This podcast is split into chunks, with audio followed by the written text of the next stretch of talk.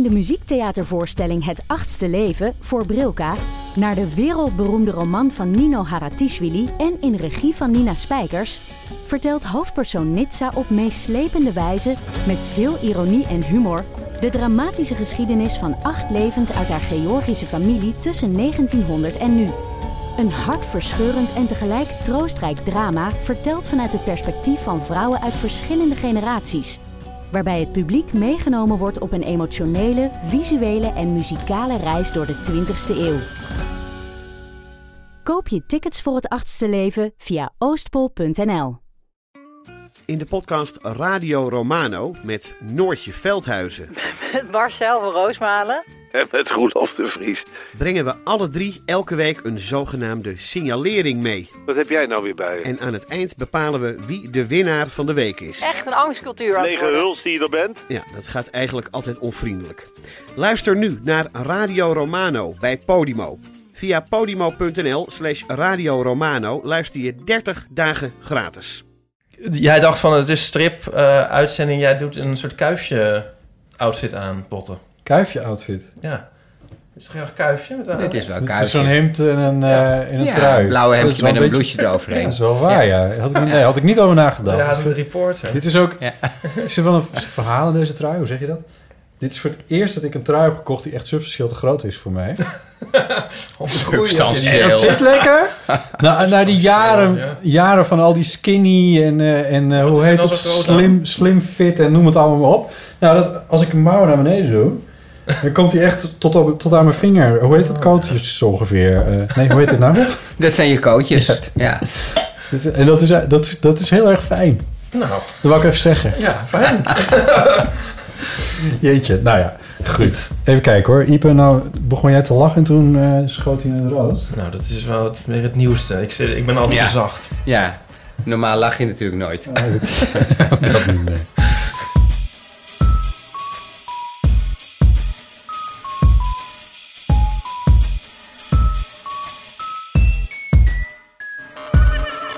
Eeuw van Amateur, nummer 71. Ehm, natuurlijk hier weer Ipe Dries. Hardo. En eh, ook de gast is Typex. Hi. Hi. De striptekenaar. En eh, wel met een... Ja, dit, dit doen we eigenlijk no- nooit. Dat we zo op de actualiteit zitten als we dat nu eh, doen. Want, maar het is in dit geval wel zo. Eigenlijk is het ook bijzonder dat je hier überhaupt vanavond bent. Want ik kan me voorstellen dat je bij Nooit meer slapen langs moet. Bij Met het Al geweest. Morgen. En bij Koffietijd. En, Eh, dat moet allemaal nog. dat komt nog. Ik Koffietijd. heb geen idee. Ja, nee, ik was... Ik was het is ook tegelijkertijd in het buitenland uit. Ja. Het, het stripboek. Ja. want eens we hebben we nog niet eens over... Ik Nee. nog niet genoemd. Maar Andy is, eh, is uit. Daar heb je vijf jaar aan gewerkt. 562 pagina's. Staat ook prominent op de voorkant. En eh, verschenen in zes talen, 14 landen. Doe maar. Ja. Dus, nou, ja, toen maar. Maar Ja. daarom. Ik vind het echt heel bijzonder dat je hier nu bent. Ja, nee, eh, dit is eh, een van de vele hoogtepunten Voor je mediatour. voor mijn mediatour, ja. Ja. Ja. Waar, waar komt het dan allemaal uit? In alle, eh, in, ehm, even kijken, wil je alle landen echt Ja. horen? Alle 14, kijken of dit kan. Nederland, België, Nederland, België, Duitsland. Duitsland, Frankrijk, Engeland, Amerika, ehm, Italië. Spanje en Italië. En ehm zit wel op acht. Dus zitten we op Er acht. komen waarschijnlijk al die Spaanstalige landen nu. eh Ja, er zitten zoals- 14. Ja, Dus dat- hopelijk. hé. ja. Dus En uit moet je Amerika daar, dus ook. Moet je daar allemaal Ja. heen? Daar hoef je er niet allemaal heen. Je was in Duitsland. Nou, was maar waar. Ik was in Duitsland voor de Frankfurter Boegmessen. En, ehm, en toen eh, naar Brussel en toen naar Parijs. Achter elkaar. En toen ik in Parijs zat, toen belde opeens wel eh, RTL 5 op of ik Oh. s'avonds in de uitzending wou. Oh, nee. ik in, in Parijs. Oh ja. En ik had zo graag op tv gewild. Want Ja. dan wordt het tenminste goed verkocht. En dan komen tenminste mensen naar Paradiso. Maar dat kan toch nog wel, want... eh, nou ja, dit is misschien wel heel erg in de geest van Andy... dat we nu gelijk over het succes gaan hebben, maar... eh, in van- en de commercie. ja. maar de conversie. Maar ehm, eh, ja, nee, maar dan ga ik nu even dwepen. Nee, ja, ga je gang. Ja, maar het is zo'n goed boek. ik, ben, ik vind het zo leuk dat je er nu bent. Want ik zat dus te lezen. Al eigenlijk bij, ongeveer bij de eerste bladzijde was ik dus geneigd om je te gaan appen van... Oh mijn god, het is zo goed. Dus ik vind het heel fijn dat ik dat nu kan zeggen. Jij hebt het echt van kaft tot kaft ook gelezen, eh, geloof ik, hè? Ja. Ja. Nee, maar dat, is, Ja. dat is mij niet gelukt. Maar ik, ik, ik, we, we zaten vanmiddag op, even samen aan het bureau. En toen keek ik het even in. En toen zei ik al van... Oh mijn god, dit, dit, dit, met al die... Vers want je hebt het opgedeeld in tien hoofdstukken. Ja. En elk hoofdstuk heeft volledig eigen stijl meegekregen. Eigen kleuren, eigen tekenstijl. Bij, nou ja, misschien... Ja, nee, goed, daar moet je zelf maar iets over zeggen. Maar, eh, en ik bedoel, alleen al de buitenkant... Dat, dit, dat, dat, Het zilver, hè? Het zilver Ja, dat randje aan, aan Ja. zeg maar dat, hoe, hoe heet dat? De bovenkant kant van het papier? Mm, Ja, je, je zou het... als goud zou je verguld noemen of zo. Gilded edge, zeg je in Nederland. Goud op snee, ja. Zo heet het. ja. Dus het is zilver op snee. Ja, ja. De buitenrand van, eh, van het papier. En dan alles bij elkaar ziet het eruit alsof het van metaal is gemaakt. Ja. Het is echt, eh, ja... Wiens idee was dat? Ja, ook van mij. maar ja, je, je hebt vaak, vaak leuke ideeën natuurlijk. Maar het is, Ja, dat het is altijd maar de vraag of iemand dat dan ook Ja. gaat doen. En ook het serieus neemt. Maar eh, nee, ik kreeg bijna alle ideeën er doorheen. Ehm, min of meer wel, Hoe- denk ik, ja. Is dat, is dat een raar vraag? Hoeveel zijn er gedrukt? De eerste druk nu is dan 50.000, maar dat is dan van al die 14 landen.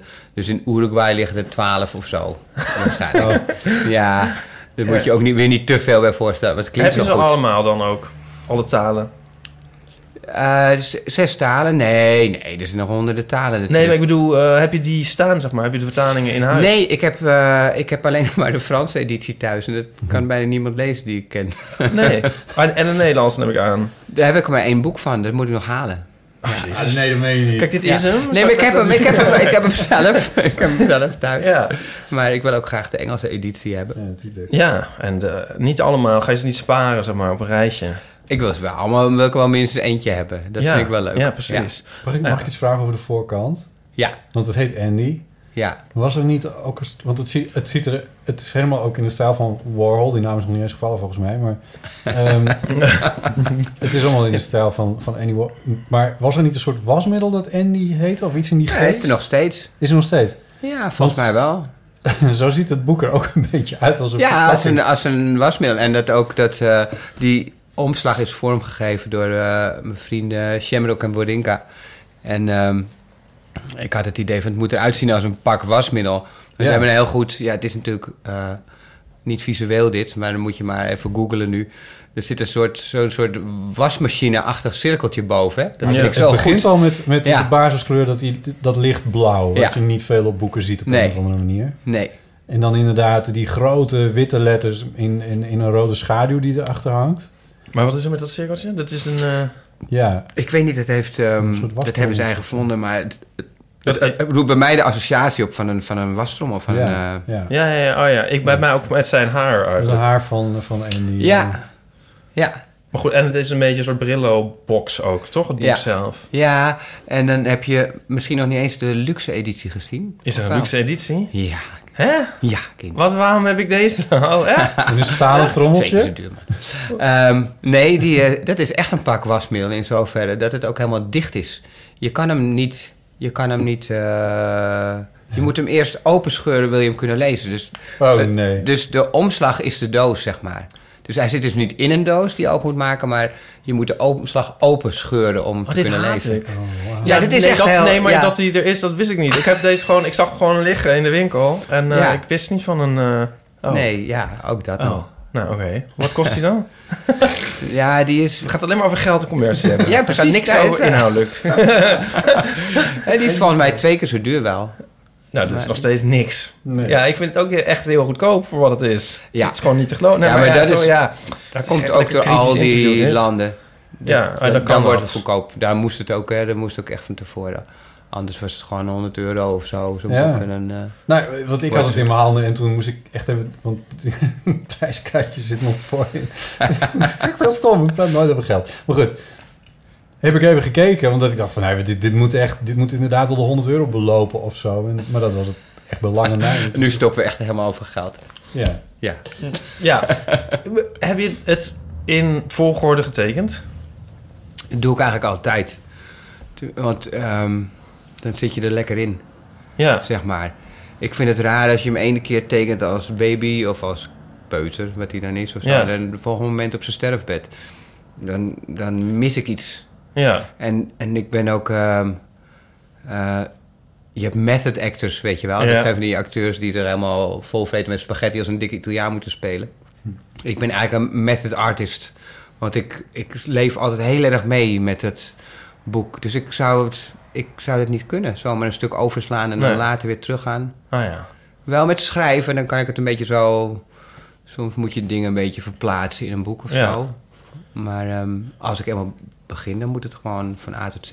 En bij- dan werd het misschien wel heel zwaar op het einde. Omdat het zo zielig is dan. Ja. Ja, maar ja, ik. ehm, om, nu zit ik dan in zo'n tijd dat ik er veel over praat. En dan begrijp je meer wat je toen hebt gedacht, zeg maar. Ja. En eh, ik kwam er laatst ook achter. Toen iemand het zei van ja, maar in dat laatste deel zitten ook wel zijn mooie kanten komen dan meer naar Ja. voren. Hij is veel zorgzamer. Ja. En eh, er zitten veel meer lieve kanten. Want er zijn ook wel ding- eh, periodes of delen dus in het boek... dat je echt denkt van mijn god, Ja. wat moet ik met die vent? Echt, eh, echt helemaal, niet om, om helemaal niet goed van te worden. Een, Nee, want die nou je dat zegt, van wat, wat, hoe is het, waar kwam het de, de wens vandaan om dit te doen bij jou? Mm, om zo'n eh, boek te maken, dat kwam door eh, dat ik eerst het Rembrandt had gedaan. En dat was allemaal gouden eeuw en bruin. En een opdracht, toen dacht ik van nou, ik wil het nog een keer doen, maar dan helemaal eh, op mijn eigen manier. Het andere vond ik heel erg leuk hoor, dat is het niet, maar ik had nog nooit zoiets gedaan ook. Dus ik had heel veel geleerd. En dan heb je, dan heb je net iets geleerd en dan wil je het eigenlijk Ja. nog een keer doen, maar dan op je eigen manier. Dat Ja. is het eigenlijk. Maar je had dan al heel, eh, affiniteit met eh, Warhol? Of, Nou, nog niet eens zo heel erg hoor. Maar ehm, Ik heb jou wel ergens lezen, zien zeggen, ergens horen zeggen... eh, dat je Rembrandt eigenlijk een beetje een flapdrol vond. Het ging het niet over Van Gogh, want dat vind ik echt een Oh, eikel. Van Gogh heb ik echt een ontzettende hekel aan. Ik kan ook niet naar het werk kijken. Vreselijk figuur. nou, nee. Die, die, die Rembrandt, het is gewoon... Daar is ook een stripbiografie van, van Barbara Stok. Ja, maar ik hou natuurlijk wel van het boek. Ja. Hè, Het, het, eh, ook, ook een stripboek over een flapdrol kan nog steeds een heel leuk Ja, stripboek zijn Ja. natuurlijk. Hè? ja. Moet je nooit vergeten. Nee, nee. Maar, ik, eh, ja, maar de, nee, oké, ja, nee, gaat door. Maar, maar dat was, maar waar, kwam het dan vandaan? Je was niet, je had niet je hele kamer beplakt met. eh, Nee, maar daar vind ik het ook helemaal niet zo'n kunstenaar voor. Om, ehm, als je fan van hem bent, dan ben je meer fan van hem als, als eh, ja, het hele conceptuele Ja, denken of het, ja. het idee veel meer. Ja, er zijn vast wel mensen die dan Marilyn Monroe op een kamer hebben hangen of zo. Meestal is het nog een mengeling ook van dat je zo gek bent op Marilyn Monroe. ja, ja. Of dat je zo veel soep eet. Ik hebben. Beatrix op de wc. Ja, nou. Eh, Wel Nico heeft die opgehangen, moet ik wel zeggen. Maar, Maar de- we hebben het over de zeefdrukker van Andy Warhol. Ja. Eh, Ja, maar maar... geen echte hoor. Maar, maar- Maar eh, nee, maar het is, het is gewoon... eh, ik vond het een hele... ik heb een tijdje lopen nadenken wat ik dan zou doen. En toen ik hem op een gegeven moment had... en dat was eigenlijk de eerste aanleiding... was, die, eh, was de Velvet Underground. Dat ik dat zo'n goede band vind. Ja. En eh, want ik wou ook meer met muziek. Ik wou gewoon iets wat meer gewoon bij mij paste. ja. Dus eh, Dan had je ook nog voor Lou Reed kunnen kiezen. ja, maar dat lijkt me zo voorspelbaar. Maar ik vind het zo leuk dat ik... Je moet altijd een soort uitdaging hebben. En bij hem had ik echt geen idee waar dat naartoe zou gaan. Als ik dat zou gaan doen. of zag, je- Reed zag je het als een Nee, mogelijkheid? bij Andy, Bij zeg Andy. maar. En dat vind Ja. ik nou juist zo leuk. Ja, of zag je het als een mogelijkheid om je, ook jouw kunnen te etaleren misschien? Nou, meer ten dienste stellen. Oh, Dat wat het- mooi. Wat ben je toch bescheiden. ja. want daar leent het zich wel voor, zeg maar. Die, Mhm. die, ehm, want hoe, dat idee ook om die tien stijlen dan eh, aan te gaan, hoe, hoe kwam Nou, dat? als je zelf je eigen opdracht bedenkt, dan ga je natuurlijk iets bedenken wat je het allerleukst vindt om te doen. ja. Dus dat daar, ehm, ja, dit zijn allemaal ja, mensen die wel eens wat van mij hebben gezien. Die zullen toch allerlei dingen ook wel herkennen van, oh ja, dat, dat, dat is duidelijk typisch iets voor, voor hem om te doen. ja. Ja, maar dat is het ook, want ik heb het zelf uitgekozen. dus eh, dat is het verschil met de opdracht. Dat, dat Rembrandt was leuk, daar werd ik ook heel erg uitgedaagd. En dat vond ik wel heel erg leuk om iets te doen wat ik nooit zou hebben gekozen. Maar ehm, ja, en dit was dan weer moeilijk omdat het zo'n ingewikkeld verhaal is en het zo lang is en Mhm. best wel gecompliceerd. En zijn karakter is ook heel gecompliceerd. Echt heel goed. Maar ik vind Ja. het dus echt... Ja, ik, ik bedoel, we weten ook niet alles van Warhol. Maar ik heb die biografie gelezen van eh, Victor Bocry, of hoe je het uitspreekt. Ehm, Als je er eentje leest, dan vind ik, dan moet je die lezen eigenlijk. ja, die Die vond is- ik ook wel... eh, ja, weet je trouwens, Ja. dat, dat bedacht ik me onder- onderweg hier naartoe. Maar ik heb hem niet meegenomen. Maar, ehm, want ik ben die ooit gaan lezen, omdat... het- ik pakte die in de bibliotheek op of zo. En toen bladerde ik en toen zag ik er een fotostripje in staan. Ja, ik Ah. weet precies welke je bedoelt ook. Ja. Is hij met... Ik weet niet meer zeker. Is hij met, Met Basquiat? Basquiat. Ja, hè? ja. En ehm, dat vond ik toen heel erg grappig. En toen Ja. ging ik er een beetje in kijken en lezen. Toen dacht ik van, hé, maar dit is echt heel interessant. En toen heb ik dat eh, gelezen. En toen was ik helemaal, eh, ja, ja. gewoon heel erg tof. Maar, eh, maar dit is zijde. Maar ik, ehm, ja, dat is wel een ge- uitdaging inderdaad om zijn persoonlijkheid recht te doen. Ja, nou, dat is, nou, maar dat is precies wat ik ook wou. Ja. Oh, Daar kwam ik eh gaandeweg achter, want eerst weet je nog niet waarom en weet ik veel. Je, het spreekt je gewoon aan en je begint. Maar dat beginnen, dat duurde al zo lang. Daar was ik echt al jaren mee bezig. Nog voor ik echt, echt was begonnen. Dus, eh, dus dan heb je wel tijd om erover na te denken. En toen merkte ik inderdaad, wat jij zegt, van ik, dat ik hem eh, vond dat hij nooit echt recht was gedaan in al die biografieën. Het zijn altijd, zelfs die Bokris, of vond ik zelfs heel sterk in die Bokris, ook al vind ik dat een heel goed boek, maar die heeft wel ontzettend een mening Ja. over Andy. Hmm. En die, eh, dat vind ik eigenlijk niet goed als je een biografie schrijft. Ah, kijk, dit, is een, dit boek heet T-Pex's Andy. Dus dit is een fictief verhaal. Maar Ja. een, een, een, zo'n biografie pretendeert heel objectief te zijn. En dat was het helemaal niet, vond ik. Nee, dus jij, eh, ja, het is heel, eh, ja, om het maar het woord te gebruiken, een soort empathisch eigenlijk jouw boek, vind ik. Dat, Ja. is, dat is heel erg mooi. Maar heb je dan veel, want, ja, wat, ik zat te kijken, wat is er eigenlijk fictief, aan- wat is er dan zo fictief aan? Ja, maar dat staat op de voorkant ook, hè? Feitelijke Ja, fictie. feitelijke fictie. Ja. Nou, het is gewoon omdat het jouw take is. Ik bedoel, er zitten niet echt veel feitelijke, Nee, het, ik volg wel alle feiten. ja, Dus eh, we- eh, al die dingen die zijn... eh, eh, al die situaties zijn geweest. Maar hoe ze zijn gebeurd, dat vul ik zelf in. En eh, ik gebruik zo min mogelijk letterlijke quotes. Omdat ik denk dat dat toch altijd... is toch altijd Ja. verhaspeld. ja. Wat je leest. En zelfs al hoor je het op tv, dan is het nog... Voor de een manier van camera praten gezegd. heb je trouwens wel heel goed, vind ik, eh Ja, heel dat, dat was een hele tijd... eh, op een gegeven moment moet je het zelf kunnen gewoon. ja, Ja, dat je ook moet niet steeds allemaal dingen op hoeven zoeken. nee. Dus dat- want ja, ik bedoel, ik heb hem ongeveer voor me, voor de geest. Maar je moet het ook nog wel in het Nederlands zetten dan? Tenminste, Ja, dat is, dat is pas later gebeurd. Ik heb het inderdaad in Engels je geschreven. hebt het in het Engels geschreven? Ja. Oh, oké. Ja, maar dat is moeilijk hoor. Uh, als je dit... Het is veel makkelijker om het meteen in het Engels te doen... omdat alles wat je Alles leest en ziet is al... Dus Ja, je moet eigenlijk een beetje Engels denken. Ja. Ik had ook mezelf aangeleerd... want ik heb wow, echt tientallen boeken met aantekeningen... en, eh, en eh, opzetjes. En als ik dan eh, iets zeg van... eh, vaak richt ik iets aan mezelf... van als ik de volgende dag er weer zit van... eh, denken we wel even hier en daar aan en weet ik veel. Deed ik dat ook in het Engels. Oh ja, ja. Zodat je gewoon alles... in het systeem zit. Ja. ja. Ja, dat deel van je hersenen wordt Ja, aangesproken. Ja, ja, En dan, ja, dat, je moet echt in het Engels gaan denken dan. ja. Maar we- nam jij hem dan ook een soort... Nam hij je dan over of zo? Of, of viel dat ook wel mee? Ging je dan ook eh, zo praten? Of dat nou ook weer niet? Of, Nee, het is wel een, eh, het is wel een, een, eh, een stripfiguur, hè. Het wel- het gaat wel misschien wel een beetje in je hoofd zitten. Ja, maar je houdt toch wel...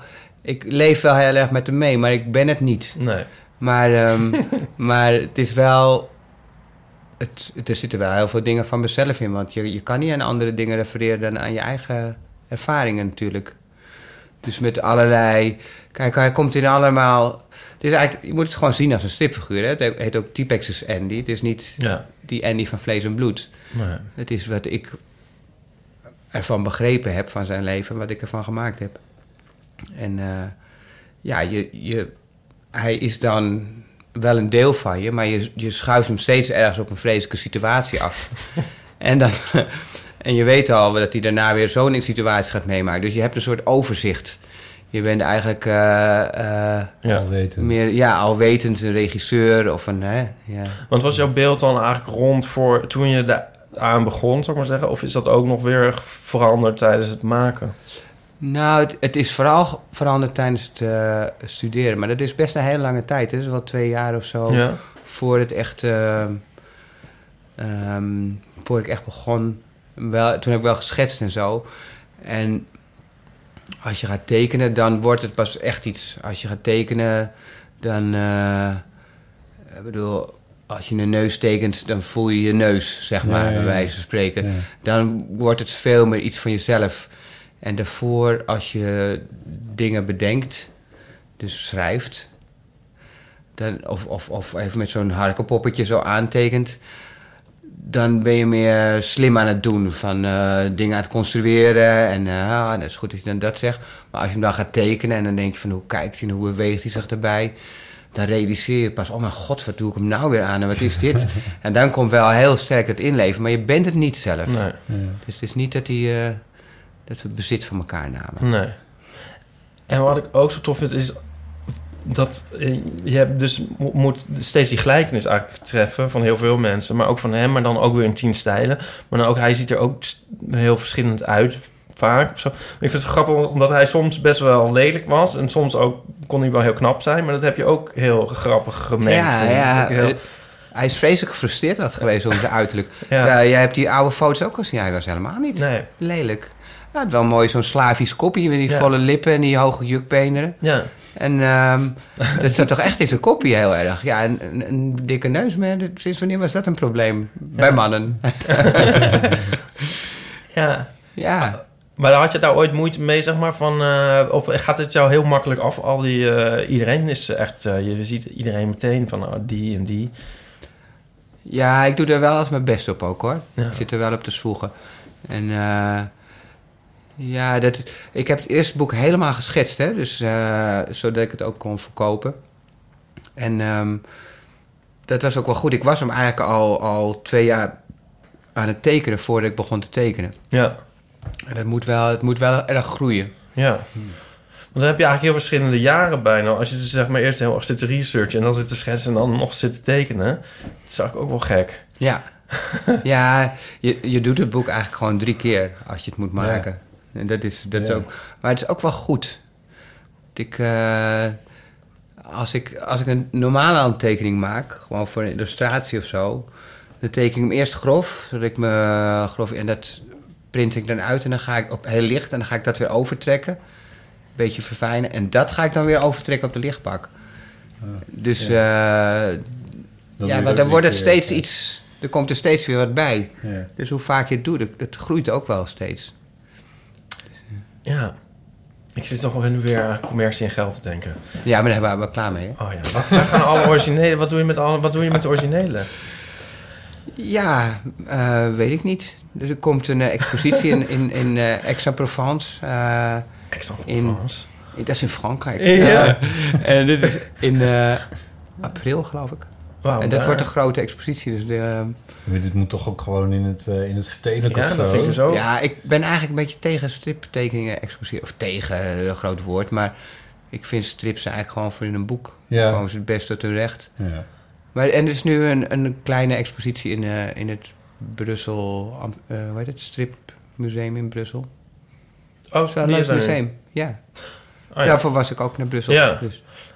Oh ja, nou, oké. Ja, ik ben dus... Ik weet niet of ik het met je eens ben over originele. Ik moet er eens over, over strips in het museum. Nou, ik zou wel... Sommige tekeningen zijn misschien wel geschikt ervoor. Nou ja, in principe, het is echt gemaakt voor in een boek, vind ik altijd. Hè? Ja. En daarbij... Dit is je ik teken- werk, wat je ja, dit is, dit is het het. eigenlijk. Ja. Ik hou heel erg van het product. Dat is ook heel erg Andy-achtig natuurlijk. en eh, ik teken alles met potlood. En daarna eh, ga ik lekker zitten photoshoppen. Oh, je doet Dus- de inkt op de computer. Ja, ik... eh, ik nou nee, het, het Is het potlood... eens Het is allemaal met potlood getekend. Oh, potlood? Ja. Echt? Even Ja. controleren. Ja, maar je kan het dan een beetje... eh, het contrast een beetje vergroten. Oh, jemig. En dan kan je een, een penseel kan je naar een... Vroeger, vroeger eh, teken ik alles met penseel, maar eh, dit gaat sneller. Sorry, want wat gebeurt er dan in Photoshop? Nou, je, je, je laat het lijken op een ander materiaal door het contrast wat hoger te maken. Potlood is natuurlijk heel grijzig. Oh ja. En, dan, en kleuren doe ik ook in, in de Photoshop. En, ehm, Dus je hebt het... ge- Ja, Oké, nu snap ik het. Dus het, het Ja. is wel ingekleurd in Photoshop. ja, eh, maar de, de, de tekeningen zelf... alles is met de hand getekend. dat is met de hand getekend. Op een en dat, papiertje. zijn potlood, Ja. dat heb je Ja. met potlood gemaakt. Ja. Maar dat heb je wat contrast verhoogd... zodat het zwarte lijnen Ja, worden. precies. Ja. Dus als je de originele ziet, dan zijn het allemaal potloodtekeningen. Ja, Grappig, ik zou... Ik, nou, zo zie je maar weer wat Dan ik moet je het nog een keer lezen. Want eh, ik zie dat dus niet. wat, als, wat zullen luisteraars denken? Ik, eh, ooit, als ik dus ooit ook wel eens in een medium ben... dan is het ook radio. En dan denk ik altijd... ja, wat zitten we hier nou te praten over strips op de radio? Niemand kan het nu zien. Nee. Je- Maar ja, ja. ja. hopelijk... Nou ja, we leggen wat dingen uit natuurlijk. Ja, en nee. als je bij een computertje zit of je hebt een smartphone in je hand... dan kun je even T-Pex en Andy googlen. Dan kom je volgens mij ook een heel eind met, eh, met wat voorbeelden en wat, eh, wat previewtjes. Dus eh, ik denk dat visueel wel het nodige te halen valt eh, als je het boek nog niet eens hebt. Maar als je het nog niet hebt, dan zou ik het vooral zo snel mogelijk gaan halen. Want het ziet er fantastisch uit. En er zijn er maar 5000 van gedrukt. Ja. Heftig. Of 50. Als je-. Over de Eh, wereld, over de wereld. Maar dat is maar Ja. precies voor de hele wereld. Dus dat is dan ook nog eens een keertje heel erg weinig. Ehm, laten we er straks nog even verder over praten. We hebben een paar rubrieken waar we je graag eventjes een beetje mee eh zeulen. En eh, eentje daarvan, die, eh, ja, die, die, die heet zo.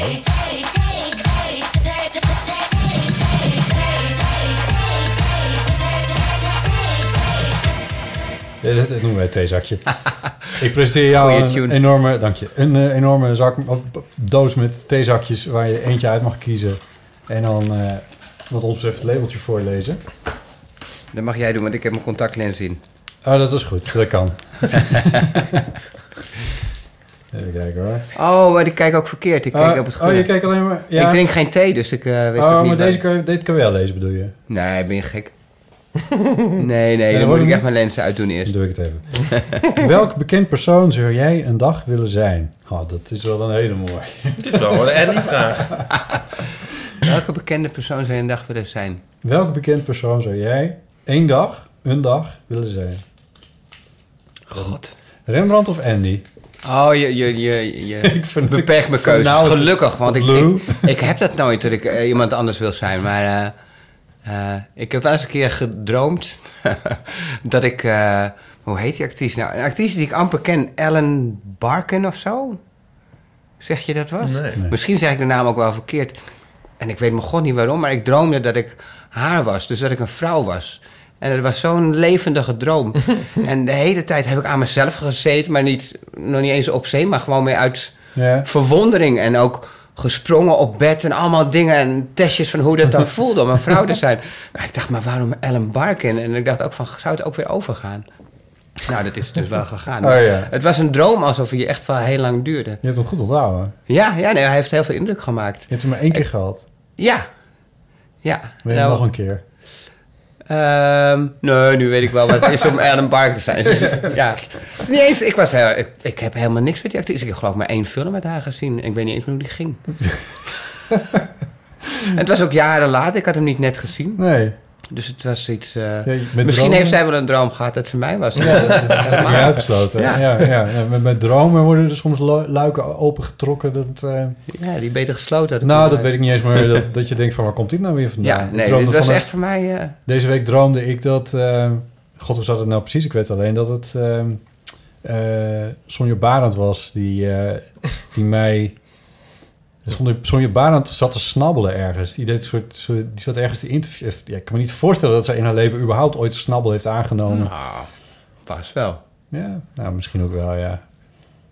Ik, ik weet niet eens meer hoe of wat. En toen viel ik van het podium en toen, toen haalde zij me weer naar boven. Dat was wel heel aardig Je viel van het podium? Ja. Maar dat was wel heel vriendelijk haar. symbolisch. Ja, dat Sonja Barend mij moet redden. Maar wie zou jij willen zijn? Eh sorry, Voor de dag. Nee, eh, ja, oh ja, dat, ja dat, is, eh, dat, is, dat is de vraag, ja. Nou, Ipe, heb jij iemand eh, die je meteen weet? Dan kan ik er nog heel even over nadenken. Het, het zijn vind ik zo moeilijk. Want ik zou wel Ja. bijvoorbeeld onzichtbaar iemand de hele dag willen volgen of zo. Oh ja. Beyoncé of weet ik veel. Zo iemand om echt denk van, hoe zou die leven of zo? Dat vind ik heel interessant. Maar Oh, zo, ja. om het ook meteen te zijn. Ja, en in die En zin meteen is met Jay-Z en zo. Ik weet niet of daar nou ook meteen zin in zou hebben. Je hebt, ehm, je hebt in de, in de ehm, filosofie van de geest... heb je het beroemde essay... What's it like to be a bat? Hoe is het om een vleermuis te zijn? Van Thomas Nagel. En dat gaat een beetje over het perspe- persoonsperspectief. Maar een van de kritieken erop... op de vraagstelling is eigenlijk van... ehm, ja, het gaat over een soort... eh, eh, dat je dus... De vra- is de vraag van hoe is het voor... Hoe zou het zijn voor jou om een vleermuis te zijn? Of hoe zou het... Is het voor een vleermuis om een vleermuis te zijn? Ja. En dat laatst... Die twee zijn eigenlijk onverenigbaar. Die twee Ja. Ja. vragen. Ik Ja. bedoel, er zit een heel erg probleem in. En hoe, hoe heet jouw actrice nou? Ellen Barkin, ja. misschien. Ja, dus Ellen Bar- ik bedoel, als jij Ellen Barkin bent, dan ben, ben je nog steeds dus niet Ja. natuurlijk. Dus daar, daar blokkeer ik nu ook een beetje op bij deze vraag. Ja, wil je het leven leiden van iemand voor een dag? Ja, Daar gaat het eigenlijk om. Dat is het misschien meer. Ja, ja, want je denkt, wat maakt hij allemaal mee? Dit is Alan Barkin. Ik heb er even Ja, ja. gegoogeld. Misschien? Dat is het wel, ja. Ja. nou, helemaal niks. Helemaal niet dat je denkt... ja. Ja, maar ook helemaal niet bijzonder of zo. Of... Nou, ze ziet er heel leuk uit. Ik Ja. ik kan me zo even niet... Ze heeft ook iets Dolly Parton-achtigs eh, over zich, moet ik eerlijk zeggen. Nou, Nee? dat ligt meer aan de foto's. Oh, oké. Nou, ik denk dat ze ergens ook wel wat Zo. heeft gedaan aan haar Het is uiterlijk. ook, ja, Waardoor- dat, en dan gaat iedereen op Dolly Parton lijken natuurlijk. ik vind altijd dat iedereen op de moeder van Marco Borsato gaat lijken... als we het doen aan een uiterlijk. Oh ja. Mary. Oh, Een ja. soort... Ja, maar die heeft zo van die opgezwollen... ehm kwabben boven haar hoofd. En van die Daar is het allemaal naartoe En, gezet. en, en dat vind ik altijd een soort omgekeerde evolutie. Of iedereen weer een soort Neandertaler wordt. Als je maar lang genoeg doorgaat. Kan je ook even googlen? botox. Nee, nee, daar heb ik helemaal geen zin in. Nee, dat heb ik Komt in de show notes. Ja. Maar nou is wel je bedenktijd om. Eh, ja, je denkt toch aan een, aan een ber- beroemdheid. Oh, ja, dat was ook de vraag. Ja. Ja, ik zou wel een popster willen zijn een dag, Ja. denk ik. Om het even welke. Nou, niet, ehm, niet de toetsenist van Heaven 17. Die Een van de mannen in de boerderij zag. De Pet Shop Boys. Ja, Ja. nou ja, zoiets. Ja. Maar ja, dan ben je Maar ook wel dat ze jong oude waren natuurlijk. Ja, precies. Ja. Dat is nou ook niet Nee, nee. ingewikkeld, hoor. ja. Ik weet het inmiddels wel. Oh, Mooi. Ja, want ik zat vanmiddag nog weer... oh, ik weet wie je gaat zeggen. Of niet? Ja, ik denk het wel. D'Angelo? Ja. Oh, ja, ik zag hem al staan, die plaat, ja. ja, Ja, maar die is niet gelukkig, hoor.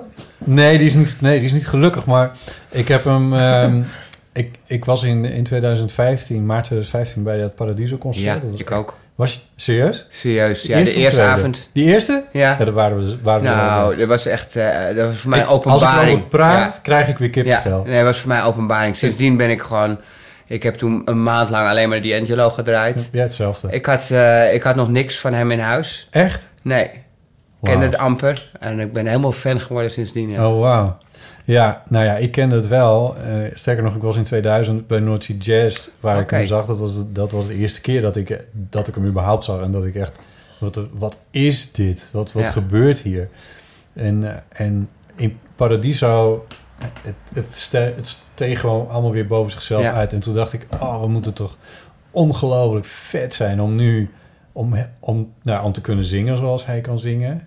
Eh, om die band zo zo onder controle te hebben en met zulke fantastische muzikanten te spelen in, in Paradiso. In die, dus eigenlijk zou ik D'Angelo willen zijn, maar dan ook nog eens op 2 maart 2015. Ja. Ja, dat is wel vrij specifiek, misschien. Je wou diezelfde ervaring nog een keer vanaf de andere kant. Ja, Ja. ja. en dan, Hoe was het eh, voor hem om jou te zien? En dan weten dat je die. En dat je, maar weet je dat, dat, dat je dat dan doet en dat al die mensen daar dan voor staan en een gekke Ja. avond hebben. En, en, dat, dat, en dat jij die muziek dan hebt geschreven. Ja, Dat, ja, dat, dat, kan me eigenlijk helemaal niks bij voorstellen. Hoe fantastisch dat moet zijn. Ja.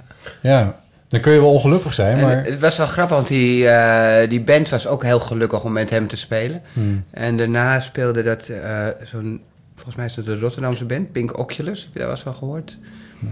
nou, ook een hele interessante, volgens mij Rotterdamse band. Ja. Ehm, die speelde toen in het bovenzaaltje. En die complete band, tot aan alle achtergrondzangers van die Angelo, die kwamen allemaal boven. Oh, kijken bij dat bandje? Ja, Oh, dat vond ik zo schattig ook. Oh, wat goed. Hij natuurlijk niet, want hij is volgens mij een getroupleerde jongen. Ja. Want hij zou dit jaar ook spelen, maar Klopt, dat is niet do- Daar had ik doorgegaan. een kaartje voor. Don't Oh, get him man, started. nee, man, oh, Ja. ik ben nog steeds... Maar zij, ik kan je inderdaad niet beter in die band zitten dan die Antlers zijn. Want nu je het zegt, het meest... eh, ik denk, zo'n uitvoerend muzikant, als ik het zo oneerbiedig mag zeggen... die is, Ja. heeft misschien wel meer plezier dan zo'n getroubleerde dat- zoel, allemaal ziel die dat allemaal... Ja, gitarist zijn in de band van D'Angelo. Dat is een soort, dat is een soort droom, is dat. Maar dat doet, ze- hij, hij doet, maar doet D'Angelo dan wel aardig tegen je? Dat is ook een beetje de vraag. Ja. ik, Zit ja, Of is dag het af te is een beetje James, James Brown-achtige eh, toestand? ik denk dat hij heel neurotisch is. Ja, dat denk ik eigenlijk ook wel, ja. Maar dat is Moeilijk- misschien ook de moeilijk enige leven, manier ja. waarop je kan doen wat hij, eh, wat hij doet. Maar goed, als ik dan een bekend persoon moet kiezen die ik dan één dag zou zijn... dan zou het D'Angelo zijn op 2 maart 2015. Ja. Amen. Black Messiah heette dat toen, ja. Dus een amen is op zijn plek, eh, zullen we maar zeggen. Ja, doe dat. lekker. Hey, ehm Typex, we hebben ook een paar eh, vragen binnengekregen op onze eh eeuwofoon. Ja, Die rubriek kan ik niet starten zonder ook daar de jingle van te laten Ja, horen. leuk. Die is gemaakt door een heel bekend persoon.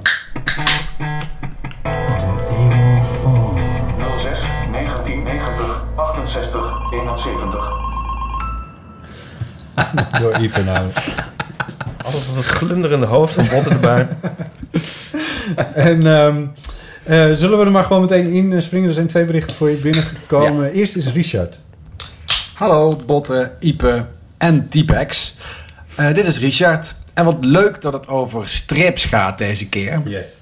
Ik ben opgegroeid met de Sisk en Wiske en de Smurfen. Eh, waar natuurlijk niks mis mee is. Eh, maar ik ben pas een aantal jaar geleden echt geïnspireerd geraakt door, eh, door Amerikaanse strips, meer de graphic novels. En ik vind het echt fantastisch hoeveel diversiteit daarin zit. En hoeveel liefde en aandacht er in dat soort boeken zit. En hoe met beeld zoveel mooie verhalen worden verteld. Ehm, zoals Craig Thompson in Blankets. Weet je wel, het verhaal spat van de, van de pagina's af. En Adrian Tomine is een tekenaar. Die vind ik mooi hoe die kleine persoonsschetsjes maakt. Ehm, en ik ben acteur, dus ik vind het ook interessant hoe een verhaal wordt verteld. In beeld en taal. En daardoor, daarmee inspireren die strips mij ook in mijn, in mijn eigen werk. Nou, de meester daarvan is eh, Chris Ware. Hoe hij zo op unieke manier zijn verhalen vertelt. Hoe hij met plaatjes die over de pagina's heen verspreid zitten. Als een soort puzzel het verhaal vertellen. eh, met één treffend beeld en één uitspraak van iemand. Een karakter neerzet met heel veel diepgang. Ja, daar kan ik als acteur alleen maar van dromen om dat op die manier te doen. Eh, maar ik probeer dat wel. Ik, je zult in mijn werk zie je ook wel echt wel terug dat ik probeer na te denken over eh, ja, hoe kun je met minimale middelen beeld, tekst, combinatie iets zeggen. Eh, nou, dat brengt mij op de volgende vraag. Is er een kunstvorm eh, die jullie dan weer inspireert binnen je werk? Dus iets wat buiten je eigen kunstvorm is, inspireert jullie voor je eigen werk. Dat was een vraag van Richard. En dus een kunstvorm die anders is dan de kunstvorm waar je jezelf voornamelijk mee bezighoudt, die je inspireert. Ehm, ik weet dat we vroeger, wij striptekenaars, wij strips, eh, vielen we onder kunst. Eh Ipe dat ook nog heeft meegemaakt. Als je een, weet ik veel, een beurs of zo wou aanvragen, dan moest je naar het Fonds voor de Kunsten. En nu vallen we onder het Fonds voor ja. Literatuur. Oh, Dat vind ik Ja. grappig, die eh, eh, verandering. Zonder dat het ons ooit gevraagd is natuurlijk. Yeah. Maar eigenlijk pleit ik ervoor dat we... Het in is toch een beetje van het ene pleeggezin naar het andere. Ja, en waar we allebei gewoon eigenlijk niet horen. Ook. Nee, en ook, Want zeker literatuur misschien nog wel... Nou ja, en ook een soort ongewenst zijn, toch? ja, maar ook... We horen daar gewoon echt niet. Nee. Ik vind strips een echt de dood van de literatuur. Het is... eh, je doet hele andere dingen. Ik, ik pleit er altijd voor dat we worden ondergebracht, of altijd, ik, vanaf nu, dat we ondergebracht worden bij eh, de cinematografie, hoe noem je dat? Eh, bij, films. bij de film, ja. Maar dat vind ik eigenlijk de zijn we dan... Nou, ik maak ook nog fotostrips, maar... eh, Ja, ik zeg heel vaak, zijn dus een beetje bevroren films. Ja, filmstils of... Ja. Mooi. En eh, ehm, daar zie ik veel meer verwantschap mee. Met, ehm, Ja. Nou ja, de, de strip en de, de, de strook met Ja, verschillende plaatjes Het is over ook tijd. het, het, Dus dat- die- die er snap zijn een wel. heleboel dingen die eh, de, hoe je een verhaal vertelt is veel filmischer. Kijk, in Meer dan in een, een literatuur- dan vertel je het was een druilerige zondagochtend. Maar eh, bij, bij, een, bij een strip, dan ga je niet alleen ook laten zien dat het regent, want dan is het nog niet een druilerige zondagochtend. Nee, dan weet ik veel, dan glij je eigenlijk eh, denk, met je denkbeeldige camera langs de dagen, weet ik veel wat, en je komt bij een zolderraampje. En Ja. dan heb je al een heleboel verteld. Ja. En dat heb je, als je dat met woorden doet, dan is het, ja, dan laat ik er, niet, laat ik er geen wa- waardeoordeel aan verbinden, Nee. maar dat is, Ja. dat is een heel ander kopje thee in ieder Ja. geval. En dat heeft veel meer met film eh, te maken. Hoewel wij natuurlijk wel het nadeel hebben, zoals, Iep al zegt, wij werken in stils. Wij moeten steeds, wij hebben geen beweging. Wij moeten beweging suggereren. Ja. Het zit in die, die witte streepjes tussen de plaatjes. Daar zitten de, overeen, eh, de, de, de, de tijdspannen die je niet tekent. Ja, we hebben ook minder timing, wel een beetje. Nou, heel veel timing vind ik juist wel, maar het is Maar heel anders. film. Ja, we, maar we, kunnen min, we zijn minder dwingend. we hebben Ja. wel timing. Ja, ja maar je, ook een, een pagina is ook natuurlijk een soort ritme. Jawel. En er moet, eh, een pagina kan niet zomaar op elk moment eindigen. Nee, het is ook zo. Maar je hebt... Bij een boek wel. Bij een boek, als je Ja. een boek vertaalt, dan loopt die pagina langer Ja. door in een andere taal. En dat maakt geen fuck uit voor het boek. Maar dat kan bij ons niet. Nee. Bij ons moet al, eh, ja. Ik vind het heel grappig dat je zegt van we hebben geen timing. Want ik, jij maakt fotostrips meestal in een, in een soort vierslag. Vier plaatjes. Nou, af en toe heb je er zes. Of, of soms Nou. nog meer. Maar dan ben ik eigenlijk, maar even als lezer, ben ik dan altijd een beetje, een klein beetje van slag. Omdat ik, je, omdat ik dan al verwacht. Nee, ja. Een bepaald plaatje verwacht ik inmiddels. Ik heb zoveel strips voor jou gelezen. Maar bij zo'n courant, ja, bij zo. Ik zit nu te denken aan. Ja, ik moet denken aan eh, Arthur Sapin, die was hier dus vorige week. En die had het over dat hij het liefst eigenlijk een soort klemtonen zou willen zetten in zijn zinnen. Ja. ja. Dat hij heel erg sterk deed. Ja, Ja. hoe, hoe het gelezen moet worden. En dan af en toe wilde hij dan ook een lange pauze. En dan wilde hij eigenlijk, zou hij dan heel veel witregels willen, maar dat mag dan niet. Eh, Ja. ja. Ja. waarom eigenlijk niet? Ehm, dat, waarom, dat weet ik niet Nee, meer. dat kan ik heel goed begrijpen. Ja, maar dat, dat heb ik een beetje met strips van... je- als je bijvoorbeeld een pagina inlast met... Eigenlijk misschien- wat Chris Ware juist ook veel doet met, met heel veel kleine plaatjes of zo. Van dat je een eh, soort... eh, een soort bedrijvigheid zo. Maar je kan als lezer kan je dat bij wijze van spreken helemaal naast je neerleggen en denken van uh, oh ja, ik, dit, uh, oh ja, Er gebeurt niks. Door, ja. Volgende. ja. en dan kan je opeens op een plaatje blijven haken van oh, wat gebeurt hier allemaal? En dan veel te lang, bij wijze van Ja. spreken, op het plaatje zitten. En dan heb je zeg maar dat ritme, dat heb je niet helemaal in de hand. Maar ik bedoel, natuurlijk maar hebben we wel timing, maar toch je probeert wel Ja. te sturen. Ja. Als bijvoorbeeld iemand als Chris Ware, die kan dan, weet ik veel, een man met een rollator loopt zes pla- plaatjes lang van de aanrecht, weet ik veel, naar de tafel toe. Dan, dan weet je, dit is een gigantische lange Ja. tijd. Ja. Eh, ja, dat is, dat, dat is de, en dat werkt misschien nog wel sterker dan in de film. Ja. Omdat je het eigenlijk, je hoeft het niet mee te maken die tijd, Nee. maar het wordt in je fantasie is Ja, een hele lange tijd. Ja. Om te lezen kost net zo lang als, als elke zes Ja, maar je, die je maar je leest. begrijpt dat het En dat vind, ik, dat vind ik leuker van strips, is dat die film, die wordt aangezet in je hoofd. En eh, al die ruimtes, die vul je in. Je ziet niet... Ik kan me voorstellen dat eh, iemand die nog nooit een strip heeft gezien... die zegt, huh? nou staat hij zo, nou staat hij zo. Ik begrijp er geen fuck van. En wat, wat is er allemaal aan de hand? En hoezo, waar, waar, waar, moet ik, waar is het volgende plaatje? Maar je vult zoveel in... dat het, Het wordt een eh, soort film in je hoofd. En dat Ja. vind ik mooi. Ja. Ja, dit, het, is, het is ook wel een voordeel ja, dat je meer bij de lezer legt. Een film is dwingender. Die laat minder ruimte voor... Ja, en je kan niet... Je, je, je hebt wel van die films die heel ingenieus in elkaar zitten... dat er, weet ik veel, in de hoek van de kamer is ook wat gebeurd. Dat heb je niet gezien. En dat heb je uit je ooghoek gezien. Dat kan natuurlijk weer niet in een strip. Nee. En eh, ja, maar aan de andere kant, wij... eh, vaak het probleem is dat je de lezer een beetje moet vertragen. Dat hij niet alleen maar de tekstballonnetjes Ja. gaat lezen. Ja. Hmm. Dus je stopt allerlei informatie in die plaatjes die er op het eerste zicht niet toe doet. Maar wat dat betreft zouden dus voor mij toch wel even wat pagina's voor jou in het stedelijk mogen hangen. Want dan ga je dat wel anders bekijken weer. Dat zou daarvan de waarde zijn voor mij. Maar dit, dit even te zijn. Ik moet ook heel erg even nog denken aan een, eh, een grapje uit eh, van ehm, eh, Douglas Hofstadter is dat volgens mij. Even names droppen. Die heeft dan over dat eh, als je een boek leest... En, bijvoorbeeld een spannend boek... en dan nader je het einde... en dan weet je dat je bijna bij het einde bent... en Ja. dat beïnvloedt je ervaring. En dan heeft hij het idee van... je moet eigenlijk een soort thriller schrijven... en dan... Op een gegeven moment heb je het einde en daarachter nog heel veel onzin teksten van... eh, oh ja, Ja. in deze tekst zitten alleen maar deze bladzijden... om je te verrassen met hier het einde. Oh, hier heb ik er heel veel verhalen over. ik heb dus, ik heb ooit Breaking Bad gekeken, Ja, de hele rit. En toen had ik in mijn hoofd dat er, I don't know, 16 afleveringen in een seizoen zaten of zo. En dat waren er maar 10, ik weet het niet, in die verhouding ongeveer. Dus toen liep dat op een gegeven moment, werd het spannender en spannender en spannender. En toen was die, toen was die man, ik ga het eind nog niet eens verklappen. En, maar er gebeurde dus de climax, die was er dan. En ik dacht van, oh wauw. en nu wordt het pas Ja, goed. nu wordt het was echt Ja, want dit hebben we gehad alvast als een spektakel. Toen was het dus Ja. afgelopen. Toen Terwijl was het dat- dus niet meer. Maar dat is, een, dat is ongeveer het beste einde wat er ooit Nee, aan een is serie gebreid is. dat is- ja. Nee? nou, dat, nee, ik- dat betwijfel ik ook. Maar Ik tegel- eh, eh, of tenminste, ik denk dat ik het met je eens ben... dat dat verwachtingspatroon doorbreken is ook wel wat waard. ja. Nee, de ja, oplossing dat voor dit leuk. alles is overigens de e-reader, hè, waarbij je geen Nee, idee hebt hoeveel je Nee, want staat dan... Ja. Nou, of kan je dat uitzetten? dat staat er percentage zo'n kun je- 90 procent. ja, dat kun je uitzetten, ja. Dat vind ik ook alsof je een soort prestatie aan het Maar dat leveren bent zou, vind ik wel eng ook. Het zou, dat is wel een drastisch andere leeservaring. Ja, ik ben er ook niet. Ik, ben, ik heb er nu een jaartje eens of zo. En ik ben er wel enthousiast over, omdat het heel makkelijk is om mee te nemen en licht om in de hand te houden. Maar soms vind ik terugbladeren vind ik weer tricky en zo. Ja. het is- En dat je echt geen idee hebt in hoeverre je nou precies in het boek zit, afgezien van het kleine percentagetje wat er dan staat.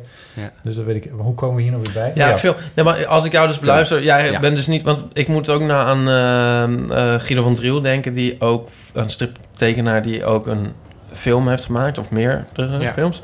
Ehm, dat, zie, dat ga jij dus niet doen.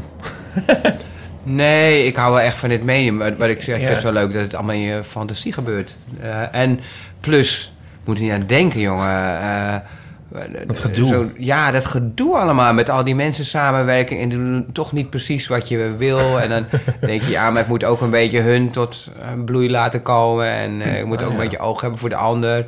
Dan ben ik toch een zak. Wacht even, hebben jullie het over een verfilming van dit boek? Een film, wat voor film een dan film, ook. Ja. Oh, überhaupt, ja. Ja, gewoon een film. Dan moet je met heel veel mensen samenwerken. Ik vind het zo leuk dat je hier... Ja. In principe, ik heb natuurlijk met vormgevers gewerkt. Maar verder Ja, heb ik het vind dat wel gewoon alleen gedaan. aan eh, fotostrips, moet ik wel zeggen. Ditzelfde. Van, eh, Ja, jij hebt het altijd ik natuurlijk. dacht laatst van... Ja, Omdat je de acteurs altijd hebt, bedoel je? ja, en toen gisteren kreeg ik een boekje van eh Lee. Ja. Lee Schaefer, ook een, een striptekenaar. En die... Nou, we nemen een drop. Eh, ja, en die kwam met een boekje en er stond een soort tekeningen. En dit, ik zag zo van, van, oh, dat is op, gebaseerd op foto's. Dus een soort gerotoscoopte foto's. Ja. Toen dacht ik van, ja, waarom dan eigenlijk, by the way? Want we doen dan een fotostrip, maar goed. Dat Ja. was het niet. Maar zei ze, oh ja, want die man die maakt altijd dan foto's, of die, die, die strips, maar dan is er altijd maar één poppetje dat daarin speelt. En dat is hij zelf dan. Toen dacht ik, oh ja, hij, dat doet hij van, hij heeft geen eh, zin om andere mensen lastig te vallen natuurlijk.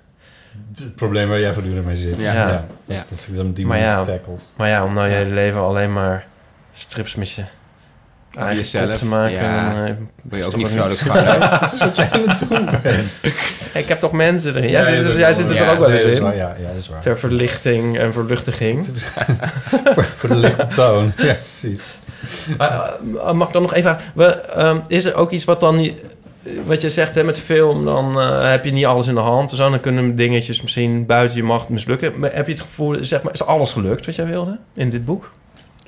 Ehm, nou, alles en niks. Ik heb altijd, ja, ik heb altijd een andere voorstelling daarvan. En, en ik ben ook wel weer blij met wat er dan uitkomt.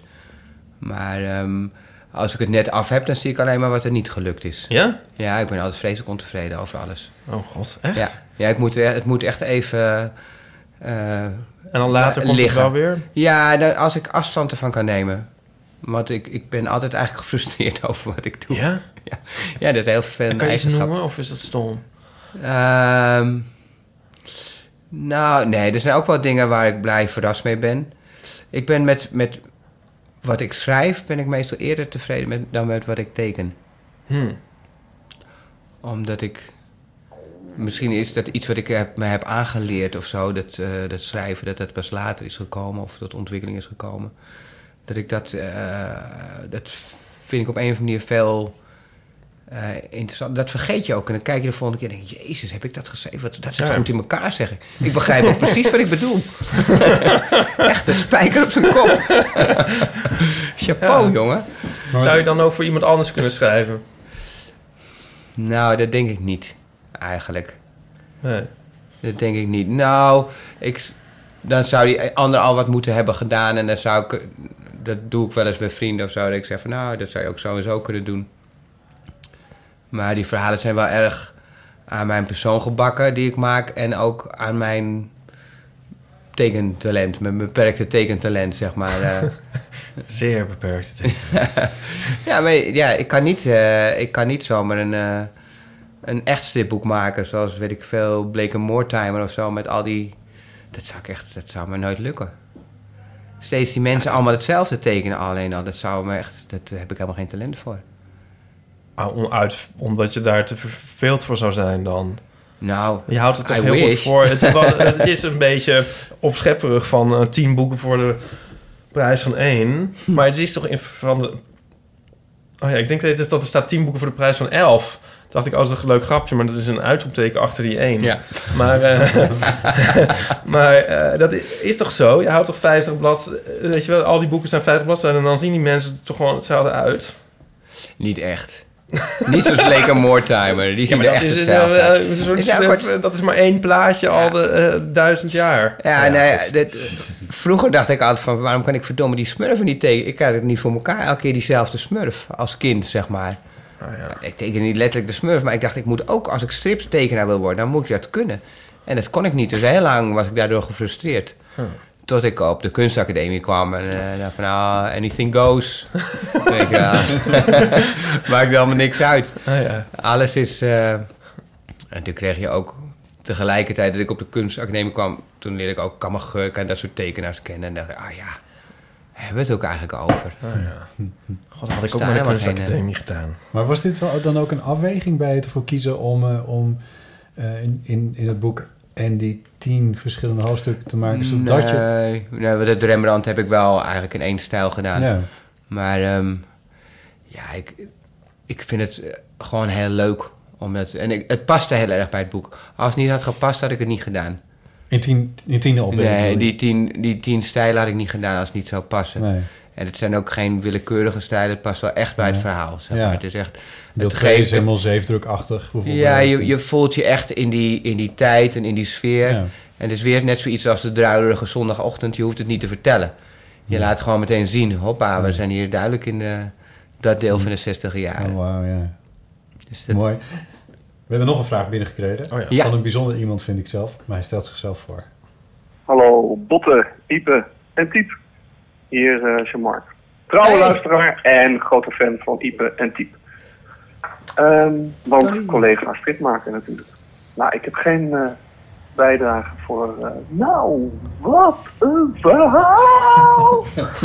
maar eh, dat zou best wel kunnen. Want ik heb natuurlijk met Typex eh in de afgelopen 25 jaar genoeg meegemaakt om daar eh, wat te vullen.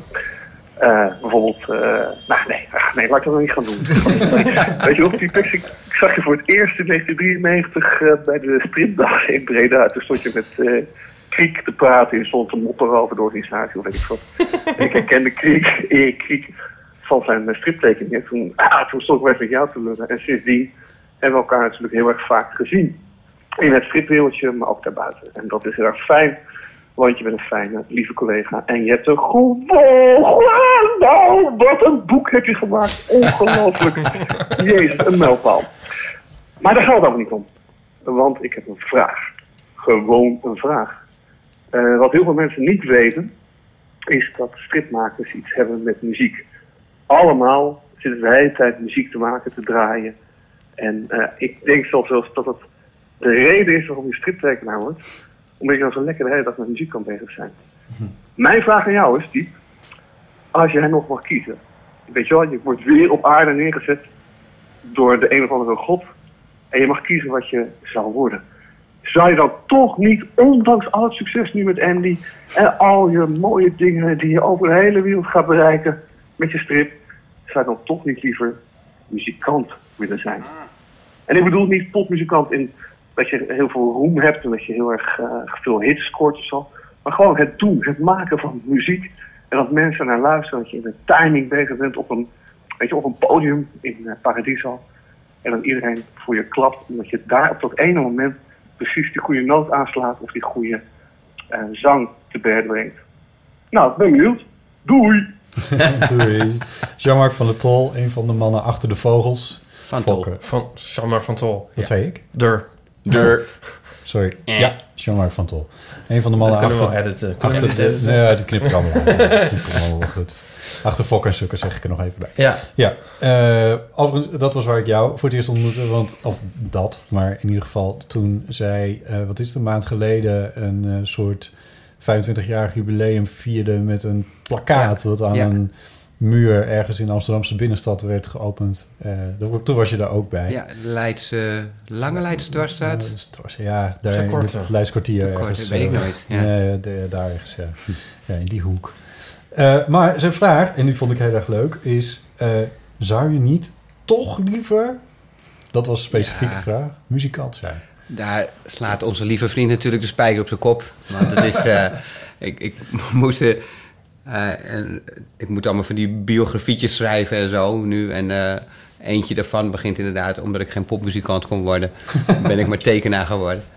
Eh, daar heb ik inderdaad geen enkel talent voor, voor muziek maken. maar echt helemaal niks. Geen geen ritmevoel, vals zingen, en alles. Nee, ik, op mijn 18e jaar mocht ik één cadeau uitkiezen... omdat ik, mijn 18e verjaardag, omdat ik... en mijn eindexamen had gehaald en mijn, en mijn toe was gelaten op de tekenacademie en weet ik veel wat. Er was wat Alles was goed, dus er, moest, er mocht een, cadeautje. Dus ik mocht bij Keurkoop een elektrische gitaar Yes. uitzoeken. Yes. En dat heb ik dan, nou, daar heb ik hopeloos op zitten. Kloot. En het was echt vreselijk. Die heb ik heel lang gehouden en op een gegeven moment heb ik hem weggegeven. Ah, Of eigenlijk uitgeleend en nooit meer teruggekregen. ja, ja. Geruild voor een, voor een eh, hoe heet zoiets, een, eh, zo'n projector. Zo'n, Beamer? eh, nee, waar je zo'n tekening op legt. Hoe heet het ook alweer? eh? Een lichtbak? Nee, om te Overhead projecteren. projector. Overhead projector. Overhead projector. Precies, ja. Oh ja. Dat waren leuke dingen. Ja, daar deed ik tenminste wat mee. Met die elektrische gitaar werd het toch nooit wat. Had je versterker bij de elektrische gitaar? Ja. Ah ja, nee, dus dan zat je wel, eh Ja. was wel compleet. Nee. Nee. Nee, ik was, ik was er ook wel gelukkig mee dat ik hem zo in mijn handen had en weet ik veel. Maar het was, het was niks. En ik vind ook... ehm, als de, de, de mooiste tekening die je kan maken... kan toch nooit op tegen het mooiste liedje... of tegen een echt mooi liedje, vind ik. Ik vind muziek Ja. wel... Muziek is zo abstract, dat beroert zo snel... dat gaat overal dwars doorheen, zeg maar. Dus ik ben wel echt ongelooflijk eh, muziekfan. Zoals elke tekenaar. Ja, want daar had zo'n... Maar daar, wil- daar Ja. wil ik zo zeker nog wat over vragen. Maar heb, heb je dat nog met een specifieke stijl? Want eh, voordat de microfoons aangingen... hadden we het nog eventjes over Reinier Baas. Ja, eh, Amsterdamse, jonge Amsterdamse jazzgitarist. ja. eh, die eh, twee jaar geleden, 2016...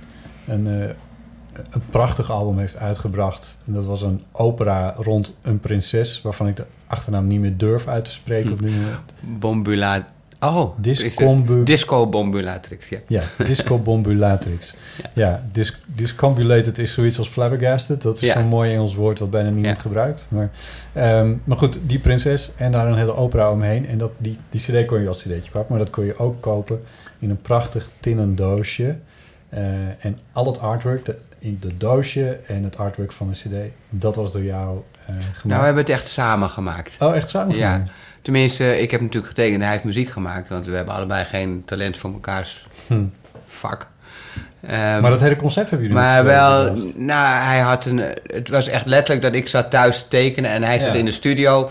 En dan belden we aan het eind van de dag en dan zei ik van ja, ik heb toch dat. eh, dat die titel moet nu toch worden iets van het wordt, weet ik veel. Het was een jacht en het wordt nu een, een hordenloop. En dan zei hij, oh ja, dan moet de muziek toch wel een beetje meer zus en zo. Ja. Dus eh, Dat was een hele voor. leuke. Je kan die het ook even zien. Oh ja. Ja. Google dat vooral even. Reinier Baas, Princess. En daarna komt het eigenlijk vanzelf Ja. wel. Ja. Met, eh, Nee, dat was een ontzettend leuk project. ja. ja. Eh, maar goed, hij speelt vrij... Nou, laten we zeggen, zij, zij, hij beweegt zich tussen de traditionele jazz en de eh, moderne muziek. En, en zeker dat gebied wat er tussenin zit, is hij Ja. ruim aan het exploreren, dat we het zo zeggen. Dus dat is wat experimentelere muziek. Eh, en de Velvet Underground werd, werd al genoemd. Wat wat meer, nou ja, om dat nou traditioneel te noemen, voert, voert ook wel heel ver. Ja, voert Maar- we te ver. Ja, maar het zijn wel liedjes. En dat is misschien niet wat anders dan wat eh Reinier eh maakt. En, wij zien Ja. elkaar altijd bij. Ja, Sparks. De Sparks. Hebben we elkaar nog vaker gezien? Jawel, we zien elkaar wel eens bij een ander concert. We hebben maar beide Vooral gelijk Sparks. vlak, maar vooral Sparks hebben we altijd. Ja. Ja. Wat, wat eh, pop is, Nou, stel ik al vragend. daar zijn we. Ja. Ik was nog niet eens klaar met het vel van Underground en die liedjes, maar nu Sparks pop te noemen, dat gaat wel heel ver ook, hè? ja, zo ben ik er wel Nou ja, oké. Ja. Dan de open vraag, over wat voor muziek hebben we het dan? Als je zegt van ik ben zo ontroerd, kan zo ontroerd raken door muziek. Ja, ik dra- draai zoveel muziek op een dag. Uh, omdat ik wel 12 uur werk meestal. Dus ja, minimaal 10 en eh, meestal 12. Hmm. En eh, de hele tijd draai ik muziek. Dus nou reken maar uit hoeveel cd's dat per maand zijn. Hoe laat sta je dan op?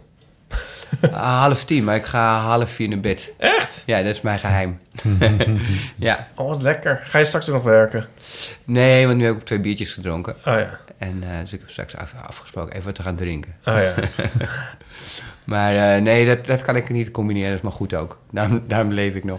Maar dan komt dus alles voorbij. Dan komt de Sparks voorbij, Velvet Underground, Reinier Baas. eh, ja, en, en je hebt natuurlijk tegenwoordig... D'Angelo. D'Angelo, ja. Ja, ja. En tegenwoordig heb je Spotify. Dat is echt een ramp voor mij. Want ik wil alleen maar dan muziek horen die ik nog niet ken. Hmm. Dus ik zit altijd heel gefrustreerd. Steeds weer dingen aan. Het Dat is niks algoritme. weer af, af te zetten. en eh, en ehm, ja, nee, ik hou van eh, wel...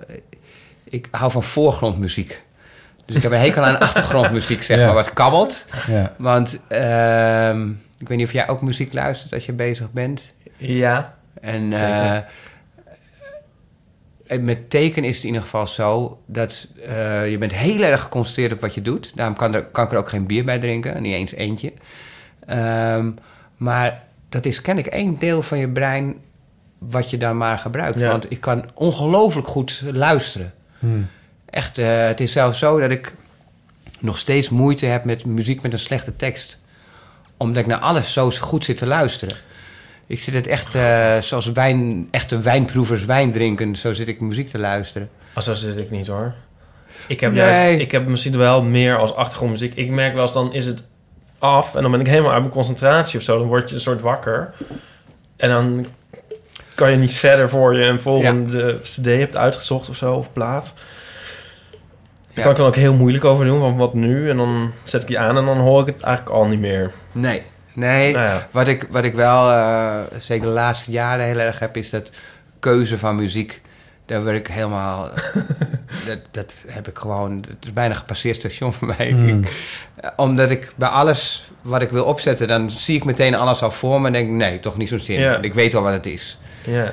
Dus eh, tijdens het werk aan Andy heb ik de Russische roulette gedaan met de platenkast.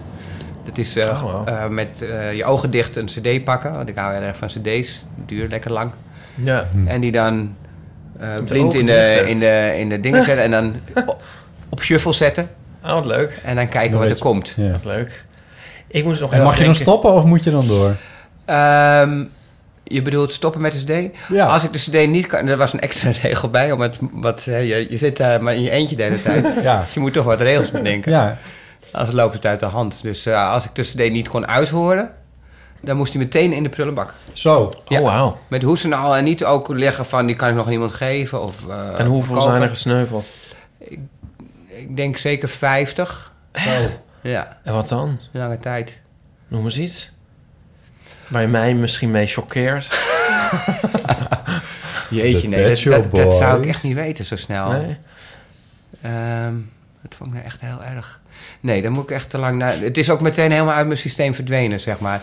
Ik heb natuurlijk ook heel veel... Maar ze zijn om een reden in jouw platenkast terechtgekomen. Ik, ik, bedoel- ik heb heel lang voor een muziekblad gewerkt. En dan krijg Oor. je vaak promo's. Ja. Ja. Ah, ja. Voor de oren heb ik heel lang gewerkt. Ik wilde op Of weg hier, net, net voor ik hierheen ging, dacht van ik pak even die eh, songs voor Drella van eh, eh, Lou Reed en John Cale.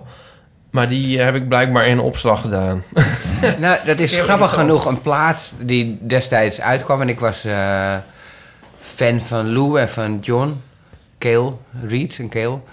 En, ehm, en die dat begon toen net een beetje te komen ook, zeg maar. Dus dat leek me echt de ideale plaat voor het eerst weer samen. En dat vond ik geweldig. En toen was er iemand jarig, toen had ik geen tijd om naar de winkel te lopen. Die heb ik die van mij gegeven. Ik dacht, dit is de beste plaat nu. En toen had ik na drie maanden had ik hem nog niet opnieuw gekocht. Toen dacht ik, wat is er nou aan de hand? Toen dacht ik, ik vind het eigenlijk een kutplaat. Ja? Ja, ik vind het eigenlijk helemaal... Het is, hij zit zo vol met vast omlijnde ideeën.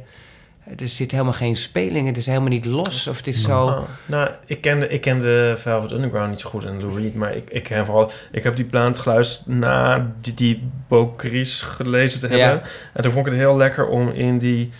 Oh, je wil dat we duiden. Dus een plaat van Lou Reed en John Cale over Andy Warhol. En, want ze noemen hem als Drella. En, en het is een heel biografische plaat eigenlijk. Maar ik vond het heel lekker om in die sfeer dan... Daar kon ik het Ja. heel mee, erg lang mee verlengen, zeg maar. Dat vond ik heel leuk. En ik vond het toch ook wel intiem of zo. Ja, dat is, het, het was vooral mijn afscheid van Lou Reed, die plaats. Zeg maar. Ja. ik merkte gewoon van, nou ja, ik, ik blijf fan van hem... omdat ik zo vreselijk fan ben van zijn oude werk. Maar eigenlijk, hij is een ander pad op en dat is goed. Ja. Het is volwassene muziek, vond ik. eh, ja. ja. Maar ik kan me ook voorstellen dat als het te dicht bij Andy Warhol in de buurt komt, de muziek, zoals bijvoorbeeld met Velvet Underground, Lou Reed, dat je dat dan misschien ook weer stoort in het verhaal? Het verhaal van... Wat je aan het maken was. Want je was die plaatjes Oh nee, maar dit Andy is heel lang geleden toen die plaat uitkwam hoor. Oh. Nee, tijdens de tijdens het maken van boek. Ik draai heel vaak eh, muziek van de Velvets. En ehm, Dat, ik ben best. van een heleboel eh, dingen ben ik fan, maar Velvets vind ik altijd. Als iemand mij zegt van een, eh, ik hou bijvoorbeeld heel veel van David Bowie. Als iemand zegt, oh, dit vind je mooi, want het lijkt net op David Bowie. Dan denk ik, nou, dan hoef ik het niet te horen.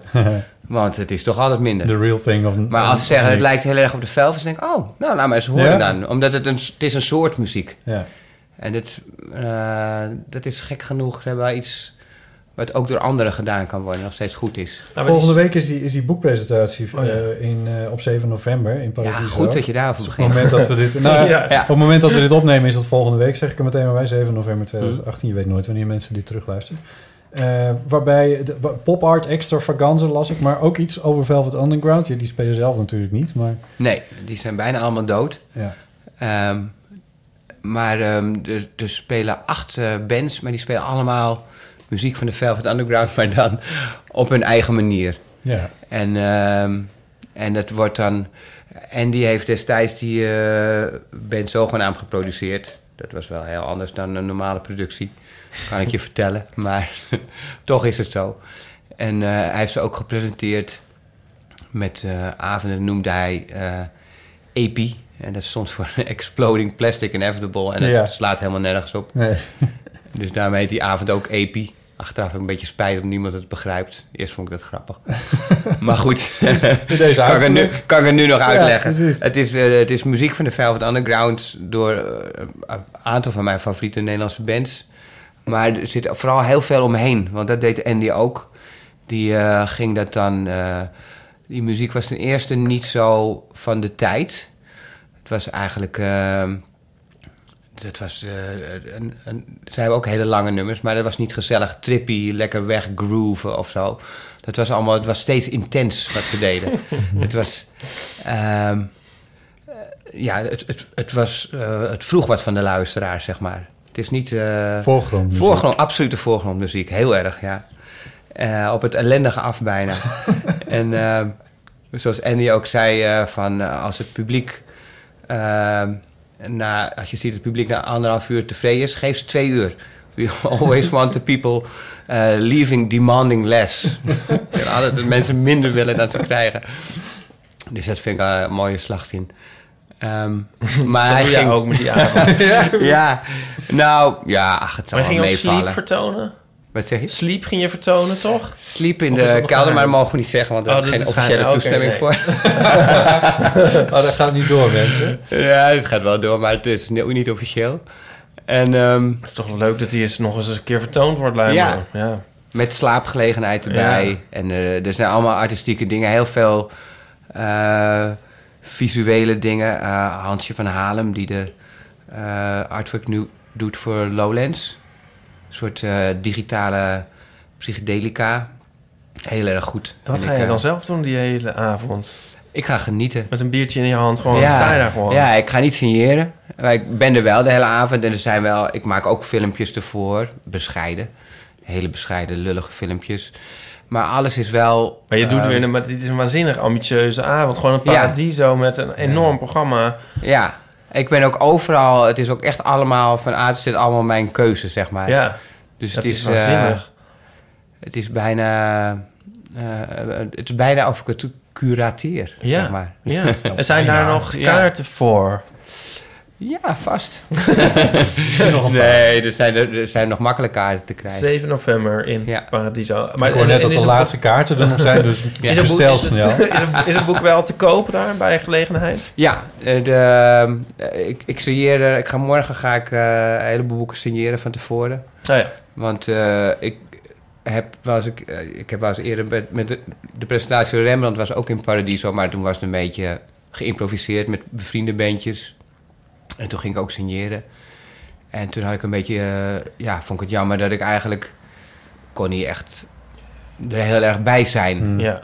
En dit is nou echt een avond, dit is mijn ideale avond. Ja, het is een soort woensdag. zomergasten, li- live zomergasten. Ja, maar dan, met muziek en kunst en alles eigenlijk wat ik leuk Ja. vind. En, dus ik, ja, ik vind het allemaal vreselijk eh, opwindend. En daar wil ik gewoon niks van missen. Nee, nee. Ja. Iedereen daar naartoe graag. Dit is toch een beetje muzikant zijn. Dat je dan een paradies Nou, ik moest eraan denken toen je het zei, ja.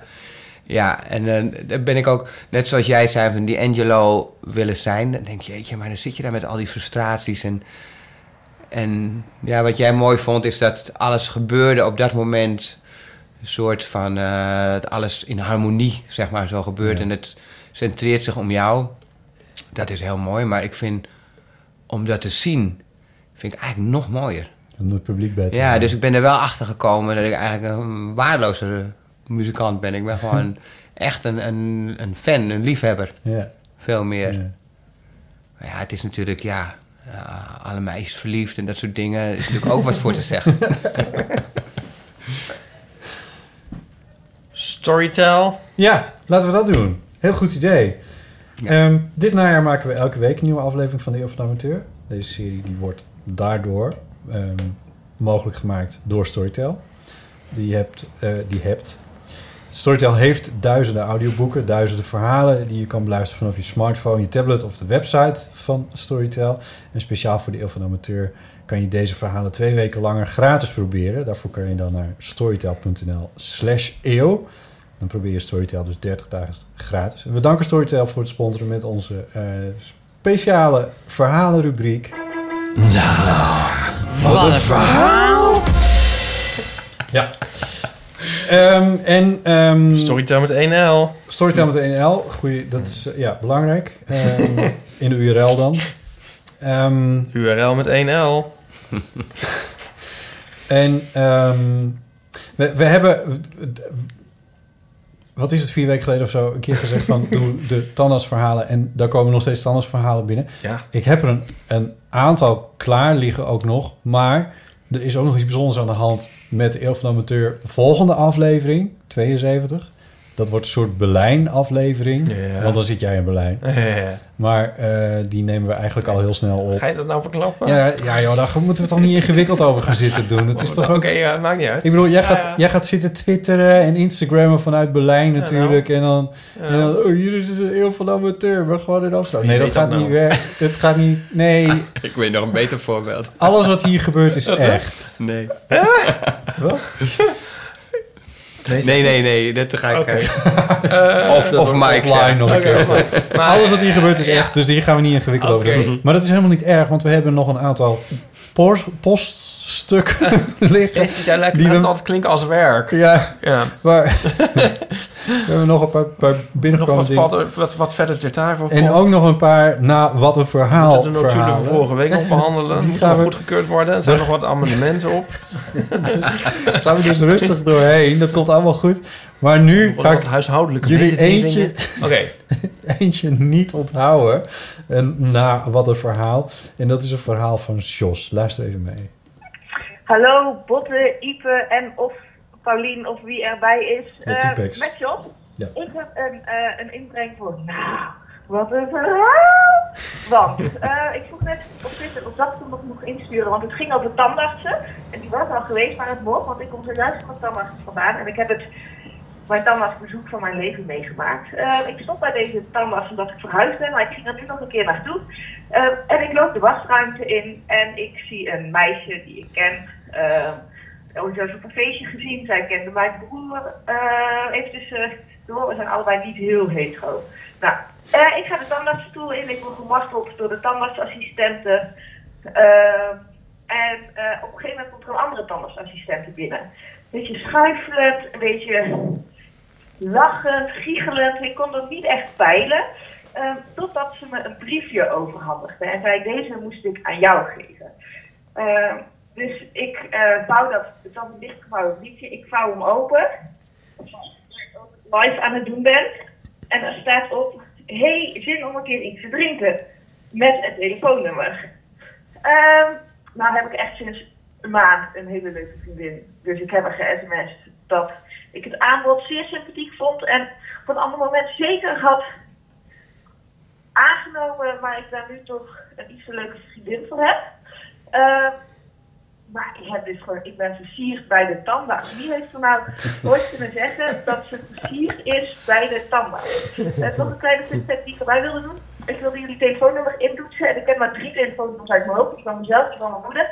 En die van jullie. Maar ik kon dus niet eh, bedenken zonder het deuntje erbij te doen. Dus het was 06 1990 68 71.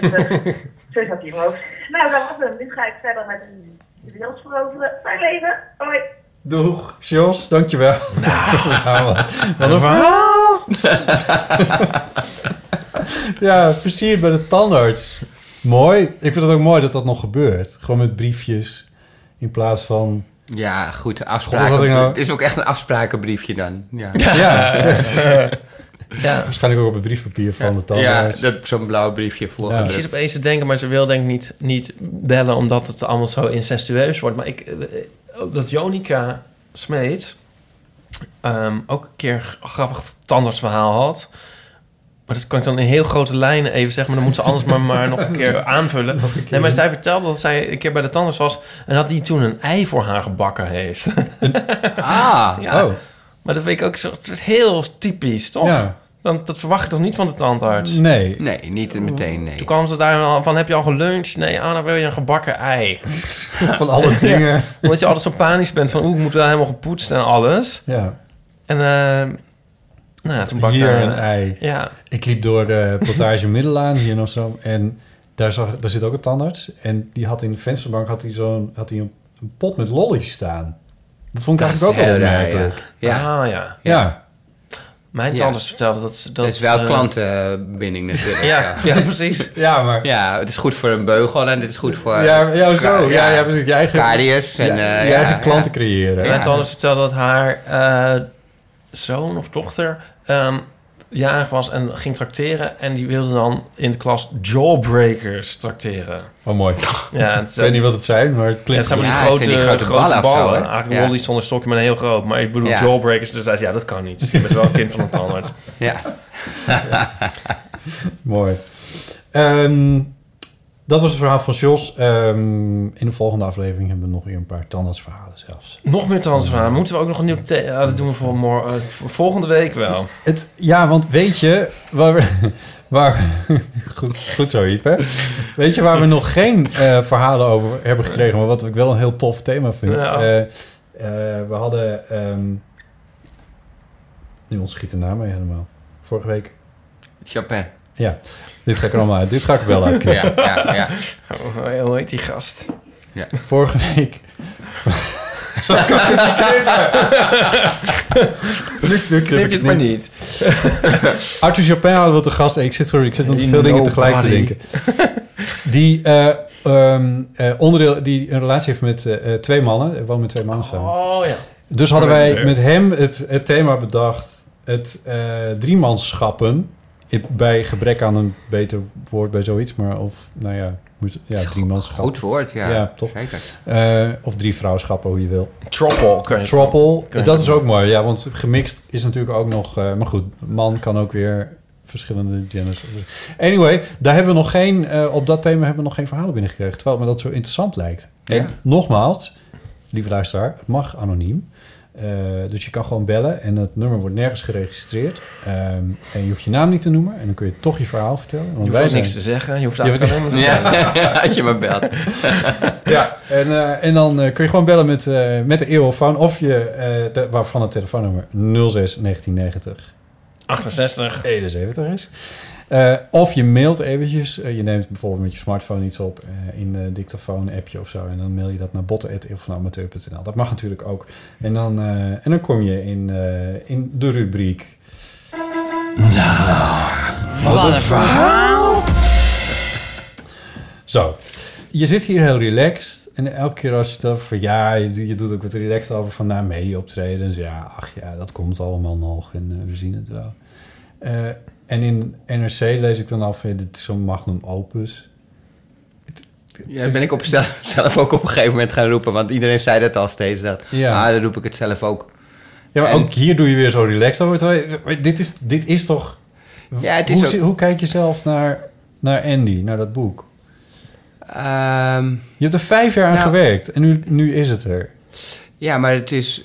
Ik ben er nu nog mee bezig met zeg maar, dat promoten. Nu ben ik eigenlijk vooral... Je zei heel relaxed, maar eigenlijk ben ik steeds zenuwachtig. Ik ben zenuwachtig of er wel genoeg mensen naar Paradiso komen... of het boek wel gaat lopen en weet ik veel wat. Dus daar heb ik nu... Maar dan komt dat ik er niks meer aan kan doen. Het is er al. Ja, ja. Dus dat heeft ook een ander soort zenuwachtigheid, brengt dat mee. Maar dat geeft Precies ook... zou ik jou wel een dag willen zijn. Maar als dit niet loopt, dan, is het toch, dan ligt het echt aan de wereld. Dat, dat idee, dat ja, zou maar je toch wat wel is moeten jouw hebben indruk van nu. de wereld tot aan nu? Ja, dat zal dus wel niet gaan lopen. Ja, je moet... Ja, nee, nee, de maar- wereld doet het niet altijd even goed bij ons, toch? Maar eh, eh, wat, wat zei je nou van, vanmiddag over de, over de lat?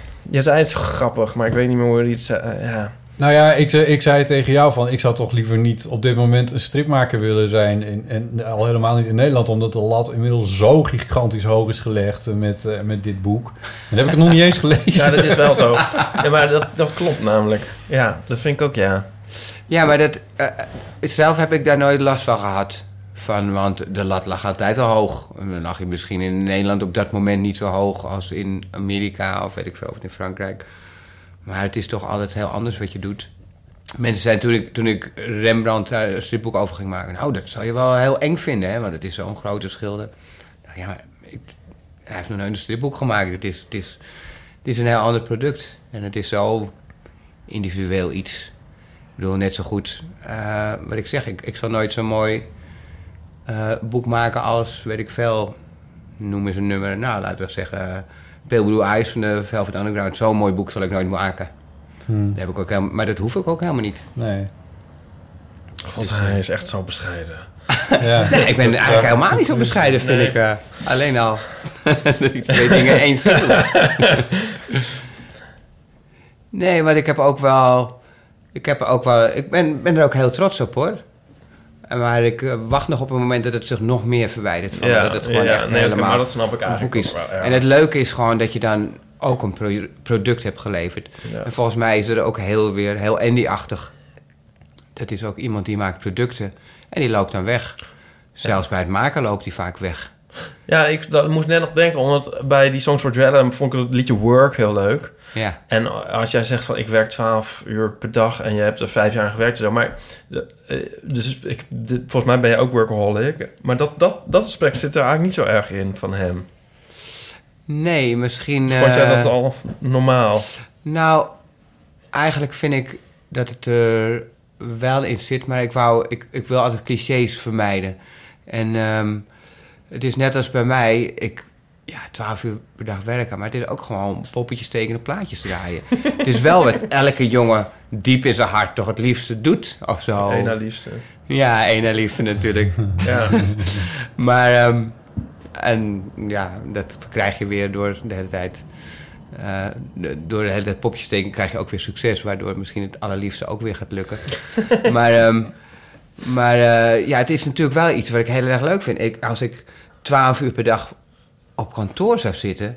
Hmm. met mijn met mijn toedeledokie lunchbox en weet ik veel wat... en mijn collegaatjes... en bij de koffiemachine hangen... Nou, dat, ik weet niet of ik dat zou... Ja, helaas zou ik het overleven. Eh, ja, nee, daar ga je niet aan dood. Dat blijf je eeuwig doen, maar dat lijkt me gruwelijk. Hmm. Dus ik, eh, ik klaag er niet over. Ik vind het heerlijk. Het harde werken en... Ja, nou, wat ik, eh, wat ik jammer... Je hebt maar één, je hebt maar één spanne van tijd natuurlijk. Ja. Dus de dingen die ik niet doe, dat vind ik wel... eh, ik zou veel meer met mijn vrienden willen zijn dan. En met, met, eh, met mijn vrouw en met ik veel, met mijn dochter... allemaal leuke dingen doen en uitgaan. En je moet wel vaak dingen missen.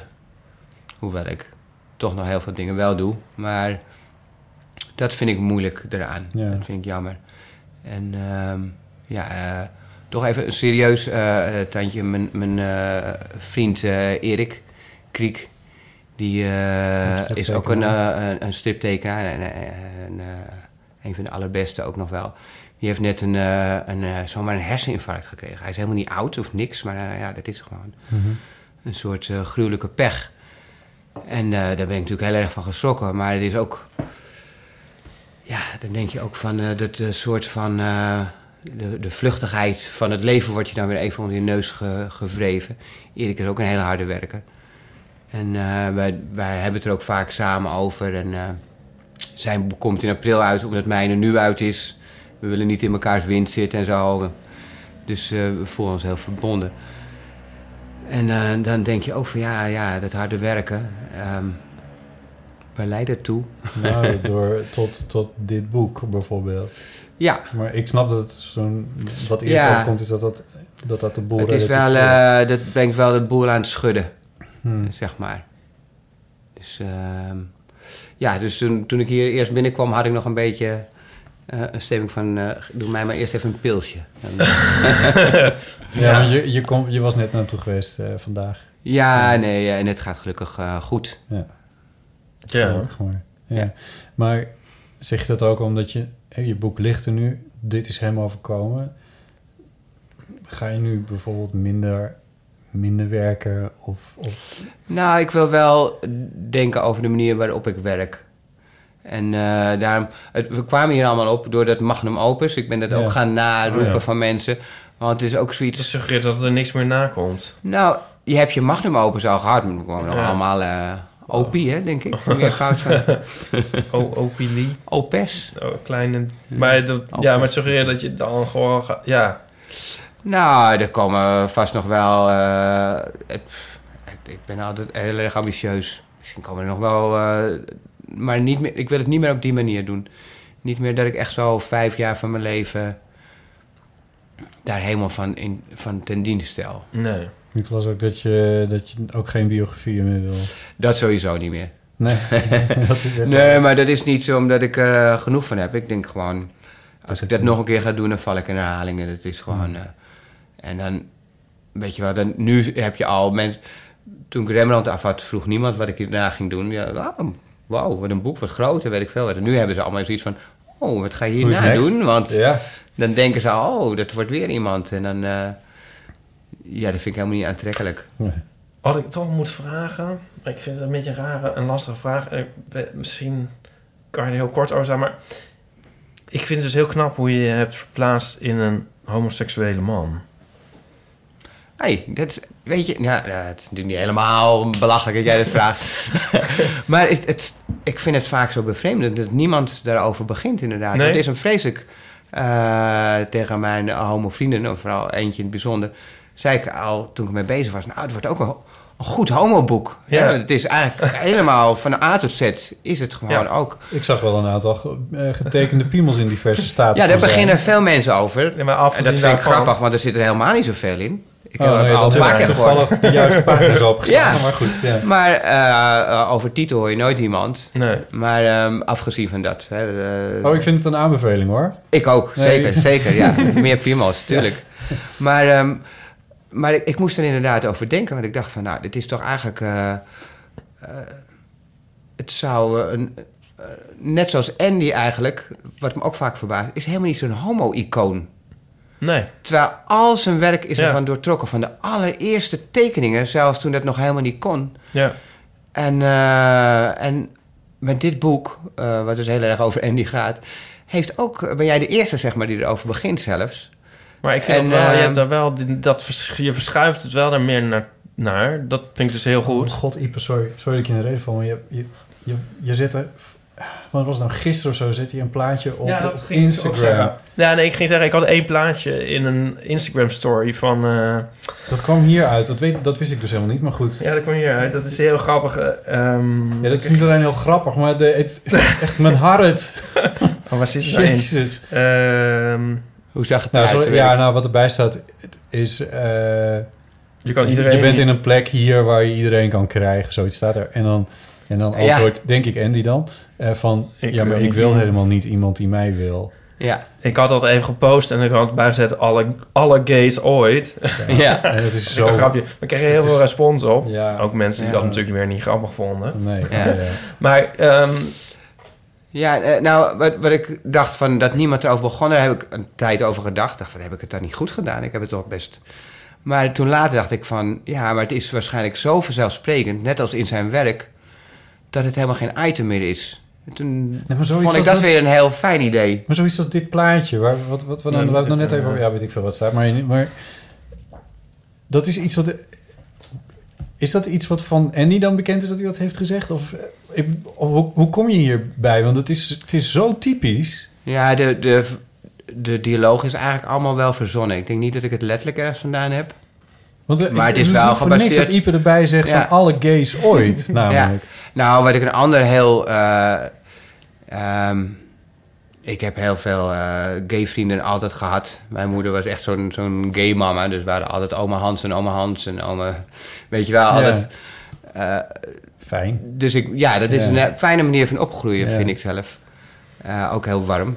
En, ehm, maar, en toen mijn, mijn beste vriend, waar ik later mee heb afgesproken vanavond ook, toen hij uit de kast kwam destijds, toen had hij niet opeens een andere beste vriend. Dus ik ging overal mee naartoe. En dat was in de tachtig jaren. En dus die, die eh scènes zitten ook een beetje in de tachtig jaren, waar die bar scènes Ja, die ja. jij- waar jij refereert. Dus we hebben het dan, Ehm, al- hebben, dus het dan ik- al over ik- de Roxy en de It of, of de Trut bijvoorbeeld? Hebben we het, daar, hebben we het daarover? Allemaal, ja. Ja. ja. Nou, vooral de trut, Ja. zeg maar.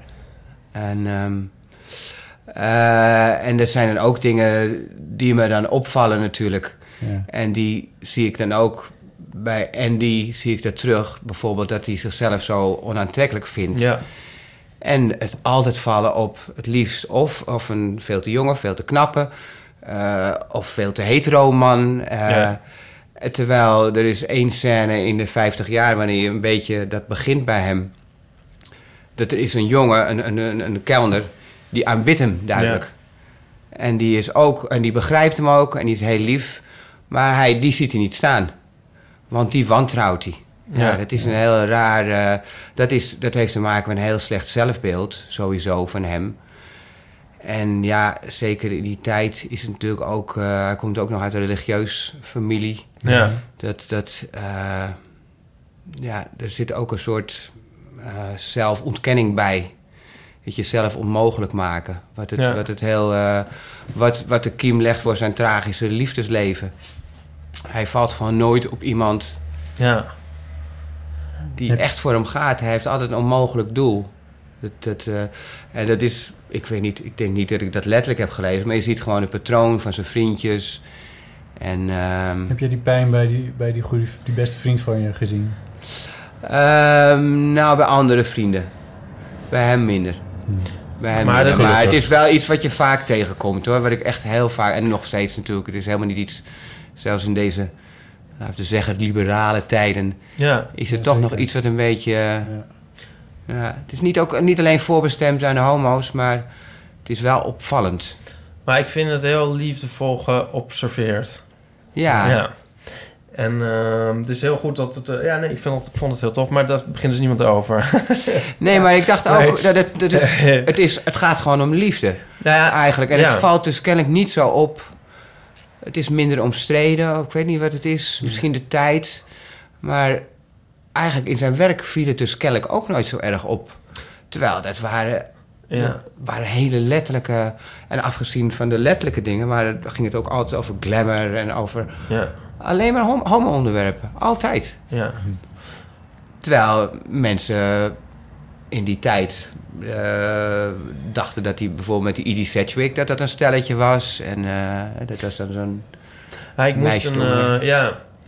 ja, die relatie met zijn moeder is ook wel Ja. heel. Maar die vind ik ook heel goed naar voren komen. Ja. Heel ontroerend.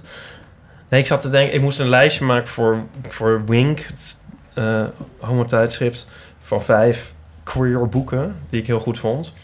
En eh, toen was ik zo... Oh, Oscar Wilde. En dat is ook een goede biografie.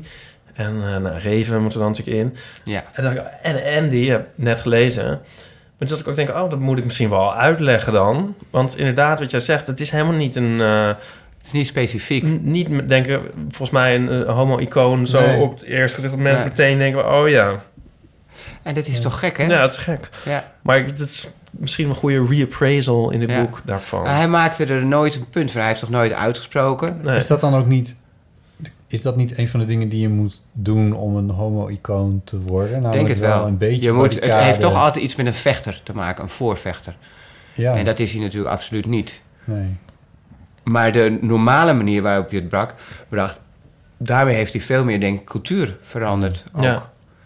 En ehm, dat vind ik eigenlijk ook. eh, die scène met eh, Keith Haring vind ik ook zo goed. ja. Ik lees normaal biografie, dat lees ik altijd van achter naar voren. Ja. dat vind ik altijd heel lekker. Maar dat, dat heb ik nu niet gedaan. Maar ik vind het wel altijd, op het einde vind ik het altijd het leukst worden. Ja. Ja, dit heb je inderdaad Ja. uitgelegd waarom je dit doet. Ja. Ja. Ja. Ja, ik vind ook. ehm, er was op een gegeven moment, omdat het zo dik is, eh, was er wel eens sprake van zullen we het opdelen eh, in, in bijvoorbeeld in twee delen of in tien delen zelfs. Ja. Maar twee delen vond ik een slecht idee, want dan had je alle bekende, beroemde dingen, ze ze allemaal in het eerste gedeelte. Ja. Maar eigenlijk, en dat is misschien wat jij ook bedoelt, daarna wordt het pas interessant voor mij. Ja. Van, want dan gaat pas het leven beginnen. Ja. Dan heb je alle evenementen gehad. En dan, dan, ja, dan wordt het pas wat. En dan heb je ook al die... Ja, het is ook gewoon één verhaal. Het is eh, van, van geboorte tot dood is gewoon één verhaal Ja. voor iedereen. Bedoel, als je het in tien had gedaan, dan had, je, dan had je het ook nooit op zo'n mooi papier gekregen. Laten we wel wezen. Nee. Nee. Ja, dat zou een vreselijk frustrerende Ja. ervaring zijn geweest Ja. voor de lezer. Ja. Ja. Nou, wil ik wel mensen aanraad nog steeds om Oh ja, dat is één te lezen hoor. ja. Ja. Ja, Ja, oh ja. dat heb ik ook wel redelijk gedaan, moet ik Ja. zeggen. Ja. Het is net als series, weet je wel. Ja, nee, maar als je een jaar kan zou best wel moeten twee wachten- afleveringen, maar als je twaalf gaat kijken, dan... Nee, dan ben je overvoer je. Dat is, ja, dan ben je eh, natuurlijk luurs en mis je alles. Ja, ja, ja. Ja, precies. En realiseer je dan dat als je één deel leest, dat dat zes maanden werk is geweest. Ja, is het zo dan? Ja, Ja, vijf jaar over, Ja, over ja. tien Maar delen. gemiddeld hebben we nog zo. Ja. ja. ik maakte eh, op een gegeven moment één pagina per dag en op het einde maakte ik twee pagina's per dag. Dus dan, het was eigenlijk een maand, een dikke maand, anderhalve maand, een dikke maand of zo. Toen ik het ging uitwerken, hè, toen ik Ja. echt ging tekenen. Wauw. Wat goed. Moeten we nog meer zeggen over, eh, over eh, Andy, eh Ipe? Nou, ik denk als, als mensen het nu nog niet gaan kopen, dan weet ik het ook niet meer. het nooit kopen. Dat Nee. verloren inderdaad. ja, ja. Dan, dan wordt het niks meer met de wereld, zoals eerder al is geconstateerd. ja.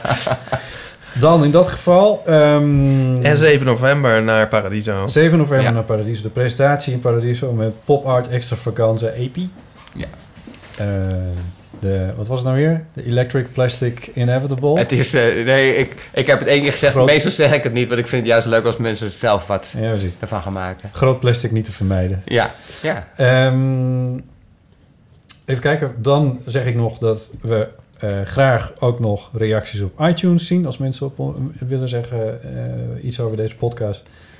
of over deze afleveringen mag natuurlijk ook, kun je een recensie achterlaten bij iTunes. Dat helpt ons ook weer. Dus die zijn welkom. Eh, verhalen voor, eh, nou, wat een verhaal, eh, zijn welkom. Over bijvoorbeeld driemanschappen, daar zijn we nog een beetje naar op zoek. Stuur die naar ons op en dan laten we die horen. En natuurlijk levensvragen en verhalen voor de, voor de eeuwofoon. Die zijn ook altijd welkom. Je kan het bekende telefoonnummer bellen. of even mailen naar botten.eeuwvandeamateur.nl Nu bedank ik T-Pex voor het langskomen. Dankjewel. En een mooi verhaal wat je hebt verteld over, over Andy. Ik vertel dat Andy, dit ligt al in de, in de winkels, eh, Ja. het boek. Ehm, te herkennen aan een lichtblauwe kaft die enigszins lijkt op een wasmiddelverpakking. Ja, met Andy erop. Met Andy erop. En een, eh, en een metaal lijkende... Ja, ik blijf het fascinerend vinden, die, eh, dat papier aan de buitenkant. Het is, het, is, het is een prachtig boek en ik sloeg het vanmiddag even open. En toen, eh, da- toen zei ik van, oh ja, oh ja, maar dit, dit, dit, dit, dit is, geweldig. Nou ja, goed, ja, Ipa, je hebt je reactie al gegeven. Jongens, jongens, fantastisch we weten Ja, nee, ja, ja, ik begrijp dat je dit wat, wat verlegen maakt, maar... Eens in de zoveel tijd komt er iets in Nederland uit waar het volgens mij nooit genoeg over kan gaan. En dat, eh, dat zou bij dit boek best eens het geval kunnen zijn. In ieder geval, je zou op eh, 7 november nog naar Paradiso kunnen om er dan bij te zijn. Bij een eh, unieke gelegenheid om daar ook eh, naar de muziek te luisteren. Ja, als je een banaan meeneemt, krijg je 5 euro korting. Oh, wat goed. Ja, hoe Andy wil je het hebben? Oh, fantastisch. Oh, Die bananen, dat wordt ook een running gag in, eh, in onze... dat wordt ook ik was, dus, ja, ik was op Texel. Ja, Ja, oh en ja. toen had ik dus een banaan gegeten en ehm, in de auto. En toen zei Nico van, eh, die mocht dan niet, die hij heeft een hekel aan bananen. Dus die schil mocht niet in de auto blijven liggen. ik zei, ja maar oh. Toen gingen we het strand op. Nou, toen heb ik dus drie uur met een bananenschil rondgelopen. op een gegeven moment lag er een soort dode meeuwenkarkas. Daar heb je eh, maar ingestopt. Nou, toen zei Nico's moeder van daar kan die dan wel bij. en ik dacht, ja... Ja, ik weet niet. Ik vond het toch een beetje... Toen vond ik ook weer een beetje een soort grafschennis dan van die mail weer. Dus ik heb hem toch maar even weer... Uiteindelijk in mijn jaszak gedaan. Toen s'avonds kwam ik thuis en dacht ik van... Hé, hey, oh. anyway, een banaan. Maar neem een banaan mee. Ja, 5 euro korting. Ook bananenverhalen zijn welkom. Ja. Nou, wat een, wat een banaan. Ipe Driessen, dankjewel. Ja, graag gedaan. En eh, tot de volgende keer. Ja. Wanneer dat ook mogen Nou.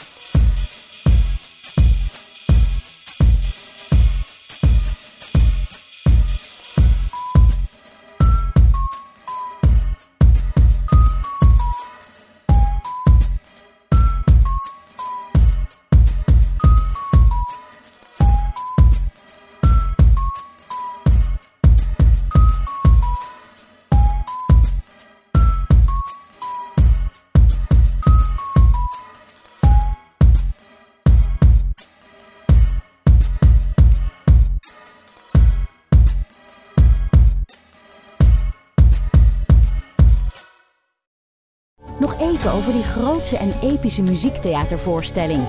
Het achtste leven voor Brilka is een marathonvoorstelling van 5 uur. Koop je tickets voor deze bijzondere theateravond via oostpol.nl.